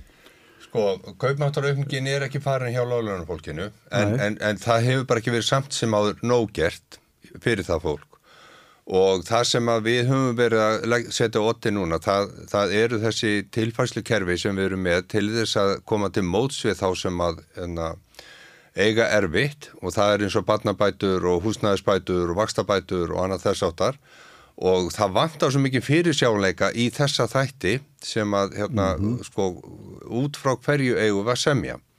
Og við höfum verið sagt, með það núna í umræðunni uh, að hérna, þetta er eitt af því sem við þurfum að ræða um við ríkstjóðnina og, og þetta hefur spila bara töluvert inn í það líka hvernig þá kjara samlinga fara vegna þess að, að sko, við erum þeirra skoðunar að það þurfa allir að hafa uh, húsnæði og það þarf að hafa ákveði félagslegt öryggi. Og ef það gengur ekki, sem sagt, gagvart, ef það er ekki til svona millifærslu kerfi sem að, sem að hérna grýpur þá sem að, sem að sko vesteru settir, þá þurfum við bara að sækja það í, í launin mm -hmm. og hérna og það er þessi, þetta jójó sem hefur verið á þessum kerfum að þetta hefur verið alltaf að þau eru sko skilin eftir þannig að maður þarf eilíflega að vera að semja um þetta og það bara er óþólandi Þannig að það á að vera ákveðin fyrirsjáleiki í þessu og það er það sem við ætlum að reyna að ræða við ríkistjónina um Já. og síðan, síðan húsnæðispakkan sem að, sem að hérna, brennur mjög á okkur líka. Já, en hérna, nú, viltu við, ég ætla að segja sko að þú byrja að tala um ríkistjónina, þá er það eiginlega þriði aðilinn. Já, sko, má ég bara grípa orðið núna vegna þess að, vegna þess að það hefur verið að, sko, það hafa aðalar sérstaklega úr aðtunlifinu verið að aðtyrða okkur og sem er svolítið skrítið og líka reynda fyrirvönda alþingismadur verið að aðtyrða okkur fyrir það að við séum að, hérna, sko, uh, fara að tala við ríkistjónina og það er bara ástæði fyrir því og hún er þessi sem ég var að segja áðan mm. og einn ágættis, hérna, fulltrúi uh, fyrirtækja var á þessum fundi sem þú ert búin að vera mm. að vitna til og hann sagði sko uh, að hérna, að aðtunurreikundur er eiginlega fannar að skýla sig á bakvið ríkistjónina að ríkistjónin er ráðan aðal viðsjæmjandin og aðtunulífið er eiginlega bara stikk frí eða aðtunurreikundur og að hluta til er það rétt vegna þess að, að hérna, við höfum svo margt orðið að sækja núna til ríkistjónar að hérna, sko, umræðan um kaup og kjör hefur eiginlega ekki komið á stað ennþá mm. að hvort að við sem sko, á réttum hérna, stað með launar hlutfall í landinu hvort að við sem að við erum undir því sem að, sem að hérna, svona, hefur viðgengist í launar hlutfalli að segir við nefndi 60% hérna sem að ég er ekki alveg við sem um að, að hérna, standist í augnarblikinu. E, þetta er allt saman hluti sem við hefum eftir að fara í gegnum umræðu um svo, hvað við ætlum að sækja á aturreikundur mm. en það leysir samt ekki þann hluta að húsnæðismálinn og þessi velferðamál okkar hérna, í bótakerfinu, þau eru mjög stór hluti líka. Já, og þar er ríkistórnin við sjömyndi. Hún er við sjömyndi þarna, já. Mm. En sækir þið, mæti þið fyrir ríkisvöldunum með óskalista? Frá okkar bæðuturum séð þá er það auðvitað þannig að kjærasamningar eru fyrst og fremst samkomulega á milli launagreðenda og launafólks um það með hvaða hætti við skiptum þeim verðmætum sem við sköpum á landinu. Það er útgangspunkturinn auðvitað hjá okkur. Það er hins vegar auðvitað þannig að þegar þú ert að vinna sko, í aturlífun á Íslandi, þú ert, það er enginn sem að, sko, kemur og er að fara að vinna fyrir samtöku aturlífsins að því hann langar að gera svo lélega samninga fyrir fólk. Sko. Það er ekki þannig. Mm -hmm. Við erum að vinna hjá samtökum aturlífsins að því að við bara sjáum fyrir okkur hér samfélag hagsalda ára tækifæra mm -hmm. og það þýðir það að þegar að það blasir við að það, það eru stór mál eins og til dæmis húsnæðismálinn að þá þurfum við að setja þau á dagskrá. Við þurfum að aðstofa við það mm. að finna leiðir til þess að leysa úr, þessu vanda vegna þess að eins og þetta blasir við mér þá hefur verið sko rætt um til dæmis húsnæðismálinn núna af hálfu verkefælasefingarnar um árabil E, staðan var þannig í fyrra, samkvæmt húsnæðis og mannverkjastofnun, að það vantaði sko einhverjar fjögur þúsund íbúðir til þess að uppfylla þörfina sem var til staðar. Síðan þá, á þessu ári, hefur okkur verið að fjölga um um það byrj 1000 manns á mánuði og húsnæðis og mannverkjastofnun er að segja núna vant vanti einhverjar 3800 íbúður til viðbótar inn á markaðin en við erum að sjá það fyrir að það verði byggt og kom, komi inn á markaðin kannski 2500 til 2800 íbúðir. Mm -hmm. Þetta er staðan sem, sem að, hérna, að blasir við. Á sama tíma er búið að vera tala um þessi mál mjög lengi í fallegum glærukenningum og fallegum stefnum en það gistir auðvitað engin í glærukenningu mm -hmm. eða, hérna, eða, sagt, eða í slíku. Þannig að það er bara mjög mikið mál þegar að hérna, við sjáum svona alvarlega vanda blasa við uh, og það er mjög okkur bara hjartansatrið að setja þessi mál á daskra og þannig að það sé hægt að ná utanum en að vanda. En þetta er gambítur, það er hérna sko, það er til eitthvað í búðum og, og það sem fólk uh, næri ekki eins að fá hluteldalán til að kaupa og, og uh, vextinnir og, og bara sko húsnæðslánum eru svo sko ævindir að það er, við erum svona, það er gambítur í þessu málum. Við erum bara först í vítaring. Ó. Við erum först í vítaring, verbolgu, vaksta og húsnæðisvanda. Mm. Og þetta er verkefnið okkar. Verkefnið okkar er að finna leiðir mm. saman til þess að brjótast út úr þessum vítaring. En af hverju eru við það? Af hverju eru við það? Að stórum hluta er það, er það hérna, uh, sko, uh, það er lóðarskortur sem að hefur skapað að hluta til uh, það að, að hérna, við erum í þessu vanda að hluta til er það að uh, þær lóður sem eru til er allt, allt og dýrar, það er búin að skipta svo oft um hendur að uh, þetta er orðnar sko lóðir sem eru kannski með 17-20 miljónir á hverja íbúð áðurinn byrjaðar á henni og svo þar... Já, það tala um blokkar... Já, Já, blokkar íbúður og svo þar til viðbóta sko innveðagjöld viðkomandi sveitafélags þannig að þessi hluti er orðin allt, allt og þungur þannig að þetta er komið upp fyrir greiðslu getu almennings. Þannig að þær íbúður sem er á markaðunum eru að stórum hluta sagt fyrir ofan greiðslu getu almennings. Þannig að, að það sem, að, sem að ég hef verið að tala um að, að því þetta er svona vítarhingur eins og Sigurður sagði og ég bara tek undir hvert orð sem hún sagði hérna varðandi, varðandi sko húsnæðarsmálinn og, og þetta hlýtur að vera sameigilegt mál verkefliðshefingarinnar og atvinnulífsins vegna þess að þetta er bara svo mikið grundvallamál og þetta er bara ákveðin mannréttindi að hver fjölskylda hafi örugt húsnæði. Að hérna, við verðum að fara í einhverja óvanalegar aðgerðir til þess að reyna að komast út úr þessu. Og ég nefndi þarna, ég sem marg nefndu þarna fundi sem við sátum saman í kæri segjum að eh, setja einhvers konar þak á með að við verum að fara í gegnum þennan skapl á hækkun húsnæðisverðs. Og lögfesta Nei, sko, við, við þurfum bara að setja einhverja tregðu og, og hérna, sko, við gerum ekkert varðandi þær íbúður sem er á markaðurum. Það liggur alveg jóst fyrir. Mm. En sveitafélagum verða að standa við sitt að, að hérna, koma íbúðum inn á markaðin mm. og þar horfi ég svolítið til þess að uh, bara sveipað og, og hérna, fyrirkomulagi sem bjargar með að þeir setja bara þak með hérna, þeir gera samning við, við hérna, byggingafyrirtæki og það er bara samið í upphafi um hvert verðið er.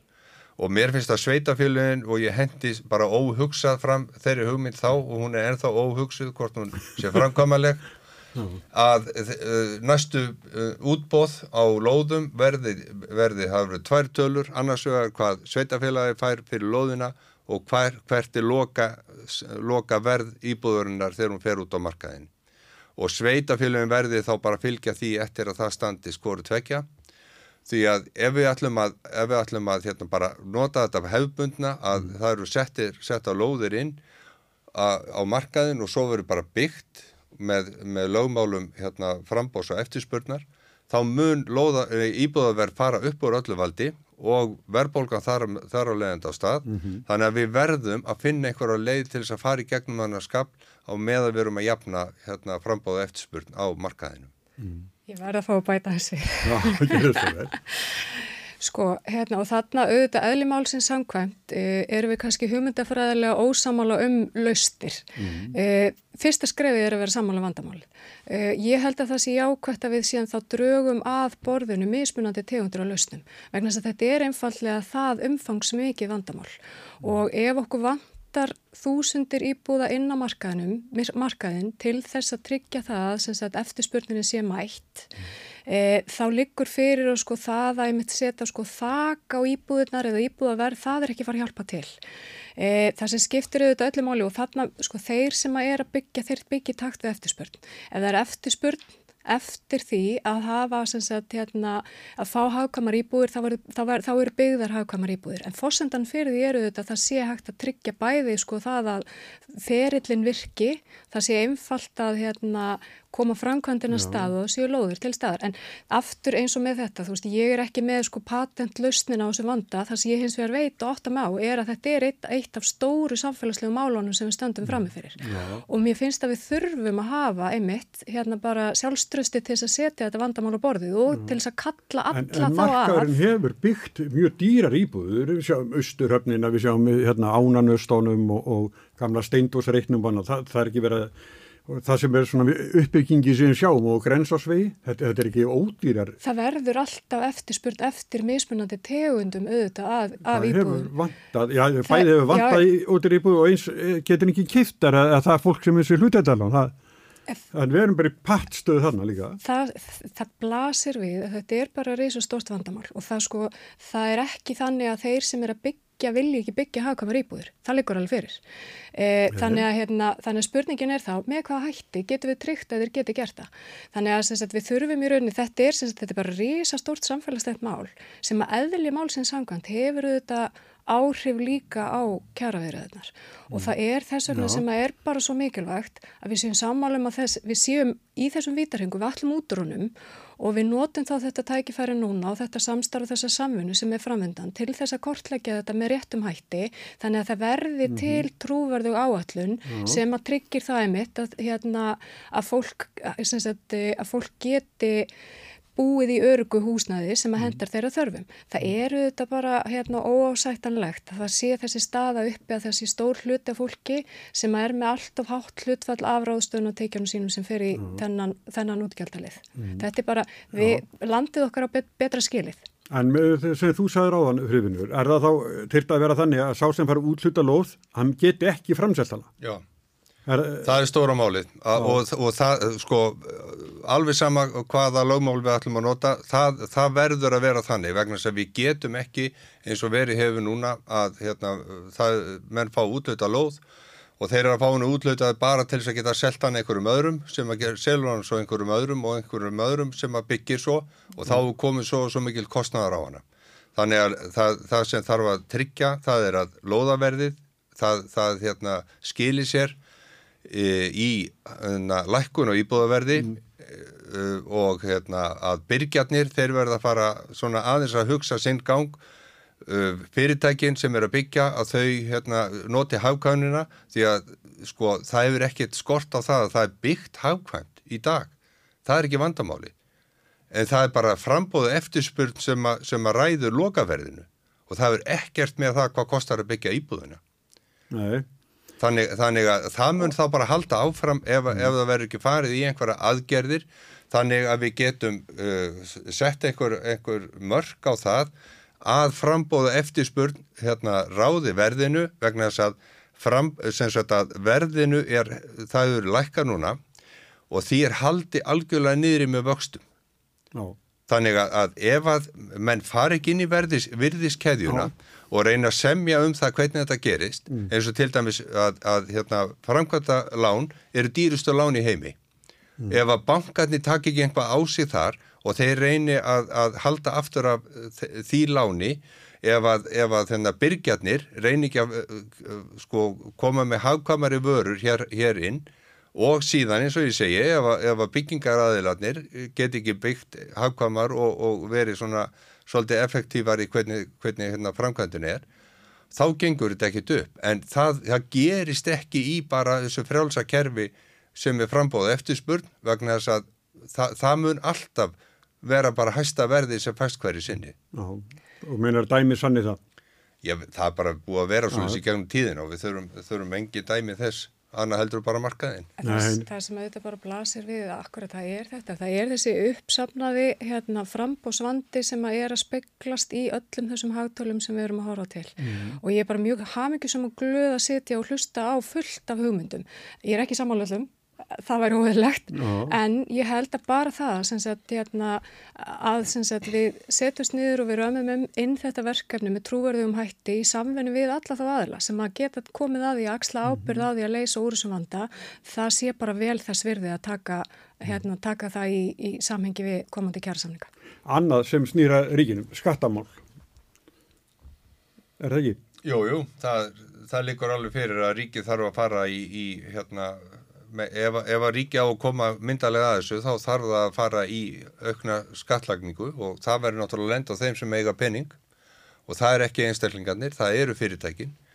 Og, og við erum búin að sjá það núna undanfærin ára að það er bara mjög góð afkoma fyrirtækja og ég er ekki að gráta það síður en svo, það, er- það, bara, það bara hjálpar samfélaginu heilsinni en þau þarf þá að leggja, leggja sitt að mörgum og svo eru svona alls konar matar, matarhólu sem er ríkið á til viðbótar sem, að, sem hægt er að fara í sem að, sem að hérna, við þurfum að ræða við ríkið sem að, sem að hérna, en við í sjálfum sér getum ekki sagt ríkjunu hvert er, þeir eiga að fara, það, þetta er alþingis að gera það. En, en ríkistjórnum verður náttúrulega bara að hérna, taka þátt í þessu me- með okkur vegna þess að það er hennar ör, ábyrð uh, að hérna, halda uppi þokkalögu samfélagi. Ha, uh, hafið þið til dæmis talað við uh, fórsættisróður og fjármálaróðura? Sko, við erum náttúrulega alltaf í einhverjum, einhverjum viðræðum en, en það er engar svona, hvað ég segja, formlega viðræður hafnar hvorki við þá eða, eða samtök aðtunlýfsins. Þannig að, að þetta eru bara þreyfingar sem að eru, menn eru að sapna sér hugmyndum annað þess áttar og, og síðan eins og, og Sigriður sagði sko að, að hérna, mínar hugmyndir eru enga loka hugmyndir sko. Nei, nei. En, en við verðum enga síður að- horfast í augu við bara hvert vandamáli er. Við erum búin að tala um þetta núna í nokkuð langan tíma. Það er ekki eins og húsnæðarsvandin sé að verða til bara í dag eða á þessu kjörtumabili.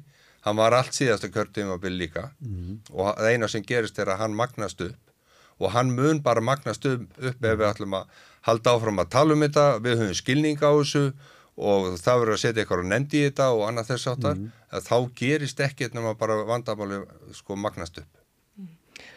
Akkurat, aðeins bara ef ég fæ að koma inn á þetta varðandi sko uh, skatta og fyrirtæki og þess áttar, þá hérna held ég að það skipti bara mjög miklu máli og ég tek undir um þetta sem að kom hérna fram. Þetta þegar að fyrirtækjum gengur vel þá gengur Íslandi vel. Það er jákvæmt, það er hins vegar Það er hins vegar þannig og það er bara mjög mikilvægt að hérna, hafa það í huga. Við horfum á sko hlutfallið á milli, annars vegar hagnar og hins vegar hlutfallið á milli launa, þá er þetta svona cirka 77-23 síðustu 20 ár. Það er að segja launum í vil. Eh, hagnaður fyrirtæki á Íslandi núna þar sem að af er sem sagt, þessu ári ef við tökum skráðu fyrirtækin sem er í kaupöllinu og draugum frá fastegna félagin sem er einmitt að hækka upp hérna, verðmatið á sínum egnum og svo aftur alvotek þá er hagnaður fyrirtæki að dragast saman um 20% frá því fyrra. Þannig að sko umhverfið sem að fyrirtækin er að starfa í er jafn erfitt eins og umhverfið sem að fyrirtækin, nei sem að heimilin starfa í vegna þessara miklu verbulgu og þessara háu vaksta sem að við búum við. Og það er bara svo mikið, hérna, það er svo mikið í húfi og það er til- svo mikils að vinna að við förum inn í núna þessar kjaraviðröðu sem eru framöndan og tryggjum það að kjarasamningarnir sem að við gerum séu þá með þeim hætti að það sé innistæða fyrir þeim þannig að þeir haldi ekki áfram að verða verðbólgu fóður. Mér finnst ekki skemmtilegt að vera að taka við sem frangatastjóri samtaka aðvölinnsins og vera ekki að fara að tala um sko tækifærin og verðmæta aukninguna og kaupmáttaraukningu. Staðan sem að blasir við akkurat núna er að verkefni snýst um sko að verja kaupmátt eða draga úr því að kaupmáttur rýrni. Það er verkefni sem að við erum með í fanginu núna. Ég heyri að það er svona sæmla breytt bíl á millingar. Þó komið vel saman hér.